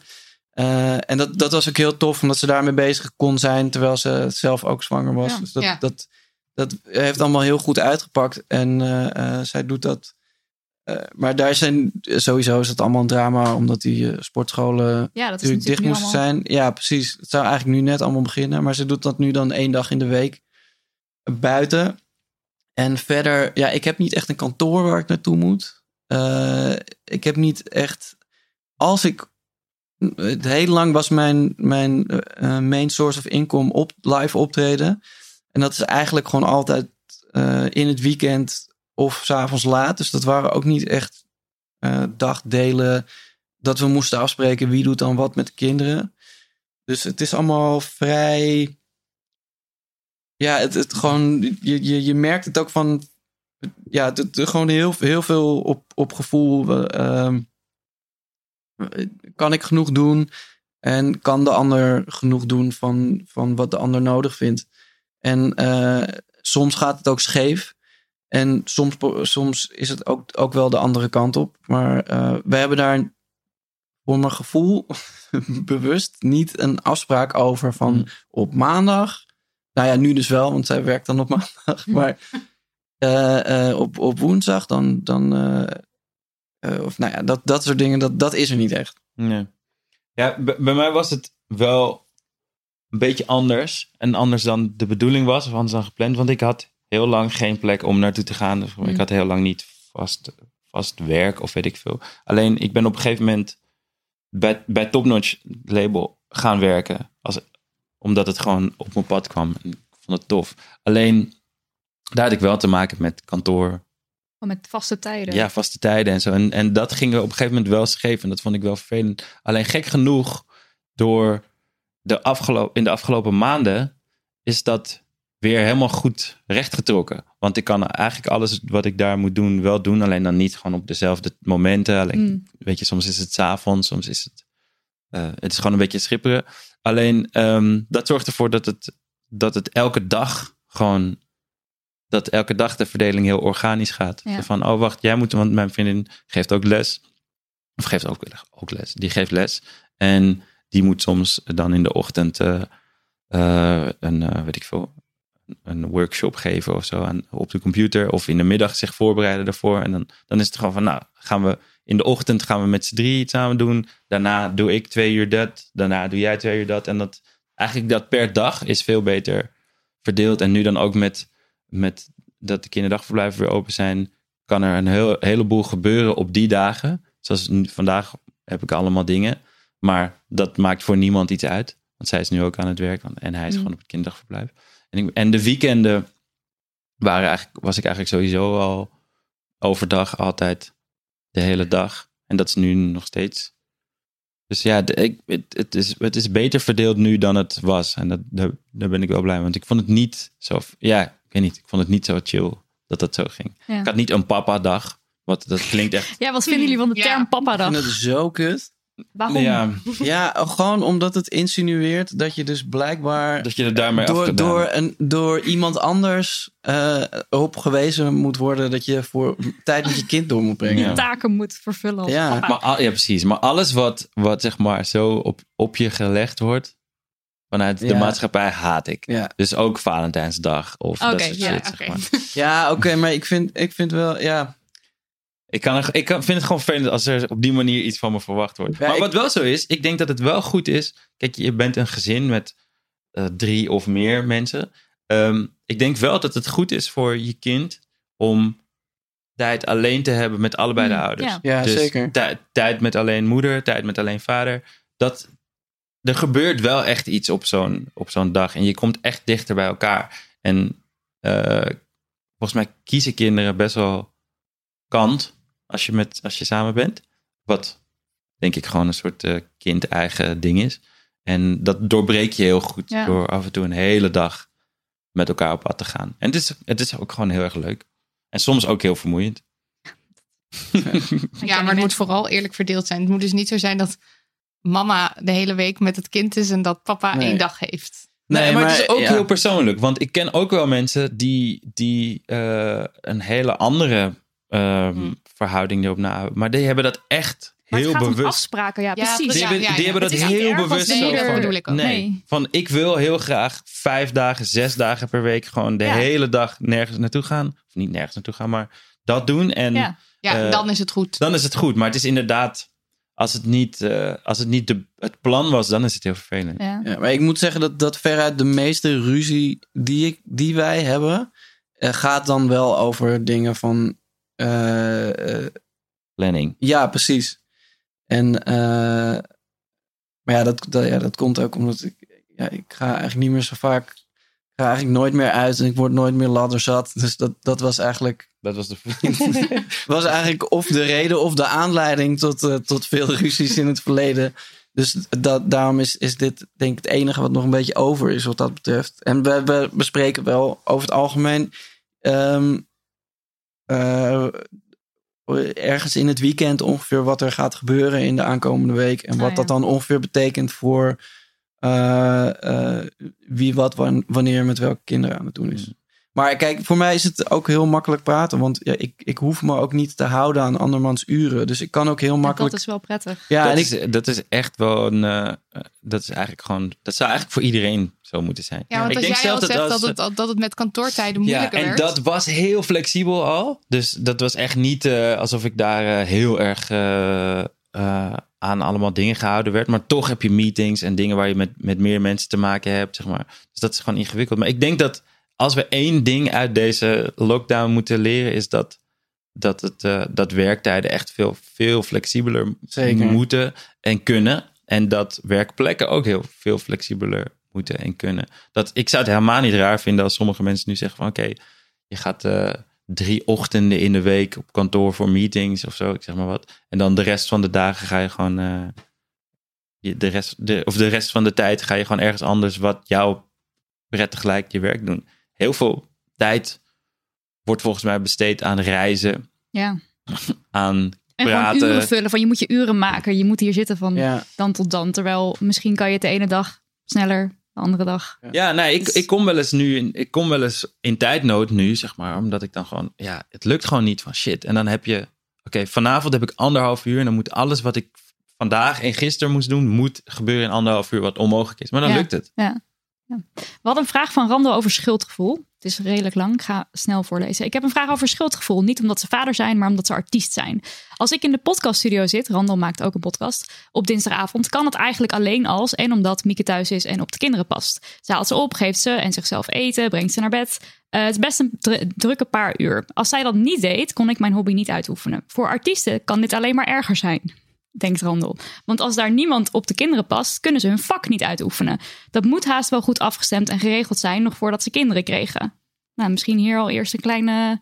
Want jij Ja. zei net eigenlijk van ja, s'avonds dan is het helemaal niet zoveel gedoe. Nee, Juist. ja, ik bedoel, als die kinderen in bed liggen, dan dan, slapen ze. ja, En- dan, dan hoef je ook niet. eh, eh, ja, dit is meer. De, de meeste dingen gaan gewoon zitten in eh, eh, naar school brengen, ophalen. Ja, Ja. de En daar kan je er dan zeg dus juist ja, zijn. Maar ja, dan ben je wel helemaal zorgen dat, dat kapot. toch? Eh, ja, maar dat is de, gewoon de investering. Dat is gewoon het vader Ja, zijn. en, Ja. en de, de- dat is gewoon het grote verschil. Dat als je inderdaad gaat optreden zoals, je- zoals je dat vroeger deed, a.k.a. feestvieren. Ja. Ja.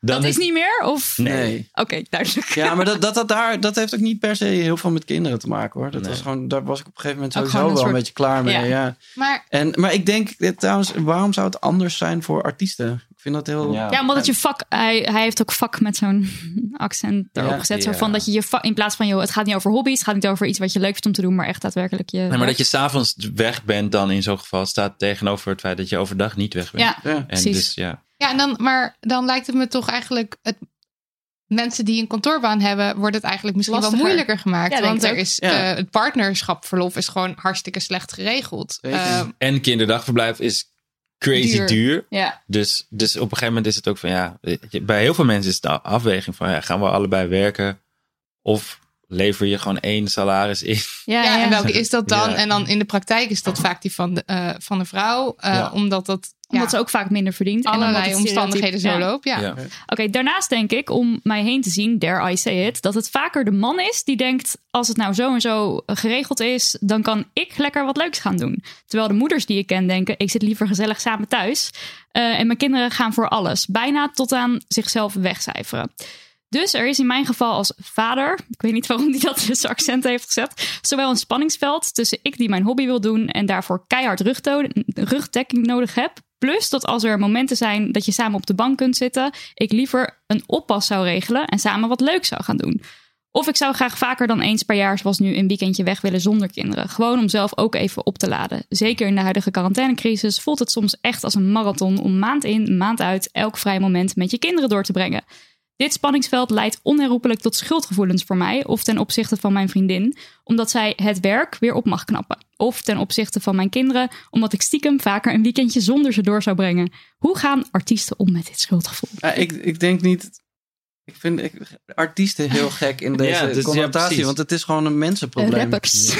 Ja, Hoe gaan, ja, precies. Ja. Ik, ik, ik, eh, nou ja, nogmaals, ik heb gewoon heel veel tijd de hele tijd. Dus het, het- ik, en ik, heb ook, mijn vrouw heeft heel veel eh, familie die ook heel dicht bij ons in de buurt woont. En die, het zijn niet per se, het is niet zo dat de kinderen de hele tijd eh, uit logeren gaan of zo, Mm. maar het, zijn- het is gewoon meer dat. eh, eh, dat dan bijvoorbeeld een van de zusjes of het broertje van mijn vrouw heel even een uurtje op komt passen om iets te overbruggen. Wat heel veel dingen in ons leven veel eh, soepeler laat gaan dan, dan als je dat niet hebt. En hobby is ook wel een kernwoord in deze, in Ja. deze zin. Zeg maar van ja, dat is een beetje, je moet iets inleveren. Mm. Dus er zijn, ja, misschien Eh, moet je er ik- geen hobby van maken. ik- misschien moet je er zorgen dat het, dat het iets is waar je, wat, wat zeg maar zichzelf bedruipt op de een of andere manier. Mm. Ja. Of ja, het is je hobby, het is jouw probleem. Dan moet je het gewoon om zeven uur 's ochtends gaan doen. Of Ja. zo, dus weet ik veel. Ja. Ja, of op, of op, de, op de zolderkamer of Ja. zo. Maar ja, ik, ik had het hier eh, laatst ook met mijn vrouw over. Want zij was dan eh, eh, lunchen met een vriendin... omdat ze haar lang niet gesproken had. Ook door eh, de hele quarantaine. En eh, omdat zij, wij druk zijn met drie kinderen en zijn we het werk zo. Zij zei ook van ja... ehm, ik had dit echt lang niet gedaan. Toen zat ik na te denken. Het is de laatste keer dat ik met een vriend had afgesproken... om iets te gaan eten of te gaan drinken. Zonder dat dat te maken had met eh, dat wij bijvoorbeeld de podcast op gingen Mhm. nemen of zeg maar iets anders. Dat kan ik me gewoon niet eens meer herinneren. Ja. Maar het- voor, voor mij is eh, mijn leven eh, op de een of andere manier zo gelopen dat ik het geluk heb dat ik steeds mensen tegenkom waar ik, waar ik eh, goede vrienden mee ben en een tof idee mee, eh, mee samen ontwikkel, wat we dan samen kunnen doen. Ja. En eh, ehm, wat en, to- en leuk is om te doen en ook eh, eh, iets echts is. Ja, precies. Dus inderdaad, zoals vanavond moeten wij ook nog een podcast opnemen. Ja. En dat, dat is dan. Ja.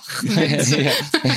nee, maar dat, dat is dan eigenlijk een soort van werk. Maar gewoon Ik vind dat het ook is gewoon heel jullie leuk. eigen podcast die jullie, moet, eh, die jullie Nou, toevallig jullie te toevallig dan vanaf. Ja, nou ja, iemand is de gast bij ons, maar het Ja. is, wij zijn de gast in een podcast, maar het wordt bij ons opgenomen. Oh, Inception. Ik Maar, heb echt het idee ja, dat, we, ja. dat we veel te lang bezig zijn. Ja, ik moet ook Ja, over, daar eh, was ik al bang voor. over een kwartier ongeveer gaan. Sorry. Ik, ben in ieder geval nog wel benieuwd eh, of het vaderschap jullie kijk op ehm, bijvoorbeeld racisme, activisme, of dat veranderd is. Omdat je opeens een kleintje hebt waarvoor, of kleintjes. Absoluut. Ja, het heeft wel echt te maken met eh, de wereld waar. Want het is, het is eh, eh, een vrij. nou, het is een natuurlijk instinct, maar het is ook een vrij egoïstisch iets om een kind op de wereld te zetten. Want jij vindt het leuk, jij wil graag kinderen. En, maar je kinderen hebben er volgens mij niet per se om gevraagd.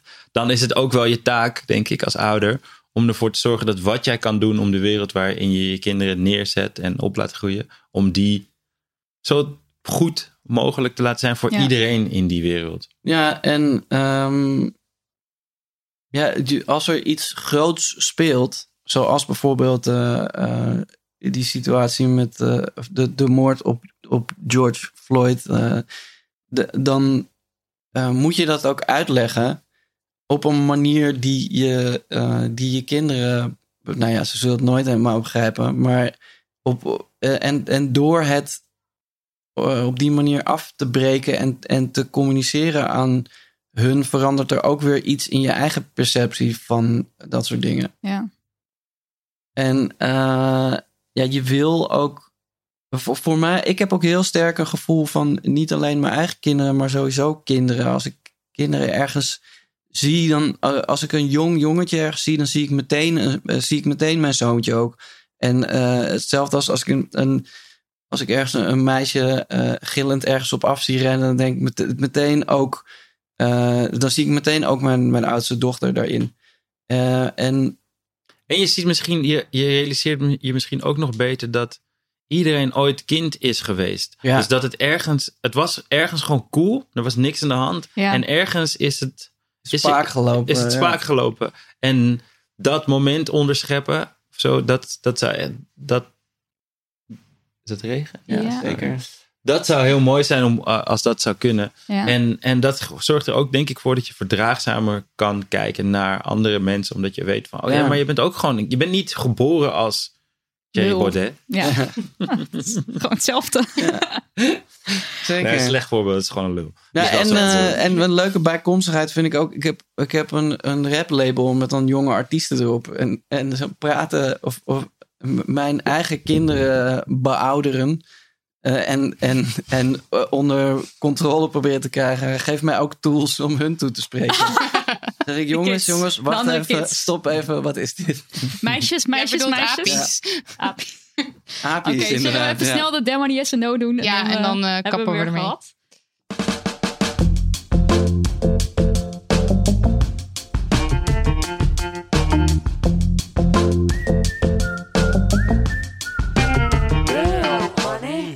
De no. Luister. Eh, in onze vorige aflevering met Sylvana Simons werd al pijnlijk duidelijk eh, dat racisme niet alleen een ding is in Amerika. Oh god, dit is iets heel ingewikkelds. Ja, sorry. Het is niet iets wat snel kan. Doe een poging. Ja.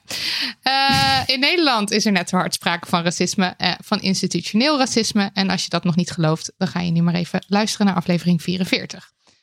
Waar dit over gaat is dat in oktober 2019 werd er heel stilletjes een wet doorgedrukt waarbij agenten bij politiegeweld een lagere straf, straf krijgen en niet automatisch verdacht te zijn. En die, werd, die wet werd goedgekeurd door de Tweede Kamer, ligt nu bij de Eerste Kamer en Ja. dit is allemaal Ja. heel stilletjes gegaan.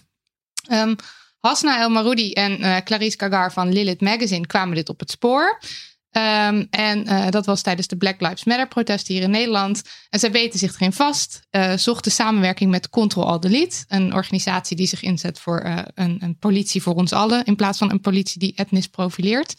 Ehm, en ze hebben toen heel duidelijk uit de doeken gedaan wat er aan de hand is. Het gaat om een wet die al in 2016 werd ingediend. eh, en Na Mitchell Henriquez. Na Mitchell Henriquez. Mm. Niet toevallig, natuurlijk. Nee, dat is waar. Dat, eh, dat eh, sluit op elkaar aan. Ehm, eh, en dus agenten eh, krijgen, worden niet meer, als ze, als ze betrokken zijn bij een, eh, een geweldsincident, worden ze dus niet meer automatisch als verdachte aangemerkt. En ze komen in aanmerking voor een lagere straf. Ja. En waar Lilith nu commentaar op heeft, is dat het. Dat zij zetten vraagtekens bij waarom is deze wet überhaupt nodig? Ja, dat In- begrijp ik dus ook niet. Nee, want in een, zij zeggen dan bijvoorbeeld van 2016 tot nu zijn er geen, zijn 41 mensen doodgegaan Hmm. tijdens politiegeweld. Onder de verantwoordelijkheid van de politie, ja. Maar er zijn geen politieagenten vervolgd. Je zou ook zeggen dat als je uh, uitgaat van de goede werking van de rechtsstaat, dat dit niet nodig is. Precies, precies. waarom, Dus waarom ben dus je... dit klinkt dan toch als meten met twee maten. En ik Ja. begrijp Ja. dat, dat politieagenten een, een, een, een lastige ja, functie een hebben. andere, andere status onassen in... Maar- Ja. Maar die, hebben, die krijgen ze al van rechters. Ja, maar je wordt ook politieagent, dus ga je akkoord met, met die dingen. Dus Ja. dat, is, dat is het hele ding, dat, dat als mensen zeggen, ja, en black on black crime. Van de politie vind ik dat je meer mag verwachten dan van de burger. Want Ja. het is hun taak. Ze zijn en erop hun- getraind. Ja. Ja. En, en, maar dezelfde regels zouden moeten gelden. Ze zouden niet een soort speciaal, nou ja, minder straf moeten hebben. Nou, het is logisch dat een rechter het meeneemt, maar het is niet dat het in de wet moet opgenomen moet worden dat je sowieso minder straf Ja. zou moeten krijgen. En als je dus nu al zegt, oké, maar kijk, het is ook duidelijk niet nodig, want politieagenten worden al nauwelijks vervolgd. En als ze vervolgd worden, dan zijn de straffen uiterst mild. Dat is nu gewoon al zo. Waarom zou je dan zo'n wet doorvoeren die eigenlijk alleen maar machtsmisbruik eh, in de hand werkt? Want we weten dat eh, de Belastingdienst etnisch profileert. We weten dat de politie etnisch profileert. Dat is een ding hier. Ja. We weten dat er politiegeweld is. We weten dat er machtsgebruik- ma- machtsmisbruik is. Ja. Waarom ga je dan een wet invoeren die het eigenlijk, die politieagent eigenlijk meer tools geeft om Bizar. dat te doen? En alsof die bizar. nodig waren al. Want Precies, ja, inderdaad, het is niet nodig. Het, was al. Ja, ik bedoel, en een van mijn allerbeste vrienden is voor mijn neus in elkaar geslagen door de politie. Echt Mm. voor mijn neus. Ik heb het gezien. Heel veel mensen hebben het gezien. En uiteindelijk eh, eh, is er niks gebeurd. Hij moest een, eh, een, een boete betalen en, of een soort van donatie doen aan een of andere stichting. Een soort echt ook best wel raar gegaan, als je het mij vraagt. Mm. En dat kwam omdat er bij hem iets, iets van afhing, zeg maar. Een, een pending, hoe noem je dat? Eh, werkvergunning in een ander Mm, land. Dus de- dat, dat kon hij verliezen. En dat werd hem best wel boven het hoofd gehouden. Van, anders heb- kreeg je een strafblad. En het werd, werd in de media ook best wel opgepikt. Toen dacht ik, ja, dit is gewoon hoe het werkt. Dus iemand wordt gewoon in elkaar geslagen. Maar omdat het politieagenten zijn, wordt Ja, er anders naar, de situatie gekeken. En het woord van een politieagent is geloof ik meer waard dan het woord van een... Dus als jij zegt het is niet gebeurd, de politieagent zegt het is wel gebeurd. Ja. En dat is het enige bewijs. Dan geldt het Ja, Ja. het politiesysteem is echt een soort heilig huisje bizar, waar ja. weinig kritiek op en te leveren niemand, stelt daar vragen bij. Ja. Zo van, wacht even. Ja. Wa- Ja. Hoezo nemen we dit niet de hele tijd opnieuw onder de, onder de loep? Ja. En niet, ja. goed. Eh, als je hier meer over wil eh, leren, luister dan de laatste podcast van Dipsaus over Black Lives Matter. Dat is aflevering 51. Daar doen ze met z'n allen haar fijn uit te doeken waarom dit fucked up is. Eh, teken ook vooral de petitie van Control Alt Delete. Die gaat voor een gelijkwaardig en eerlijk politiesysteem. Want In de dat is wat we willen. Eh, en je kunt een voorbeeldbrief sturen van Lilith Mac. Ik stuur die ook even in de Ja, show notes. naar de Eerste Kamer. ja. Nou, dat was het. Oké, dan heel snel. Damn Honey Yes. Gisteren riep Kick-Out Zwarte Piet op om merken aan te schrijven die adverteren rondom eh, de racistische trek die ook wel Football International genoemd wordt. En dat werkte. Zespri, we kunnen je niet vaak genoeg noemen. Lekker bezig. Eh, ik had er echt een hard hoofd in. Toen Ja. ik, ik dacht, dat gaat niet werken. Het werkte. Ja. Jee, dat is, eh, er is verandering. En dan eh, een ander eh, kleine eh, grote yes. Eh, is dat onze eh, andere eh, favoriete rappers, namelijk Lionstorm, een nieuwe clip hebben Ah, gelanceerd. ja. Namelijk Vies. Kan me niet schelen, ha? Ben je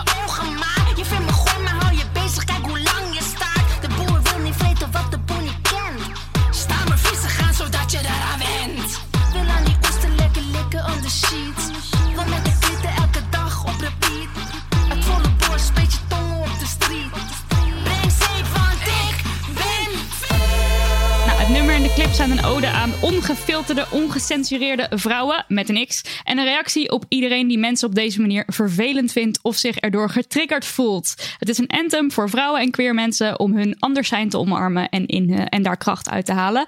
Eh, ik eh lof het en er zitten ook weer allemaal toffe mensen in de clip. Uh, Noah Struik, Devika Partiman, Siu Yang Zhao, Hanna van Vliet, Tatjana Almouli, wie niet. Het is iedereen. geweldig, dus Ja. ga het kijken. Dit was aflevering 45. Pepijn, Youssef, bedankt dat jullie het zo lang volhielden met ons. Ja, bedankt aan alle mensen die weer hebben geholpen met het transcriberen van aflevering 44.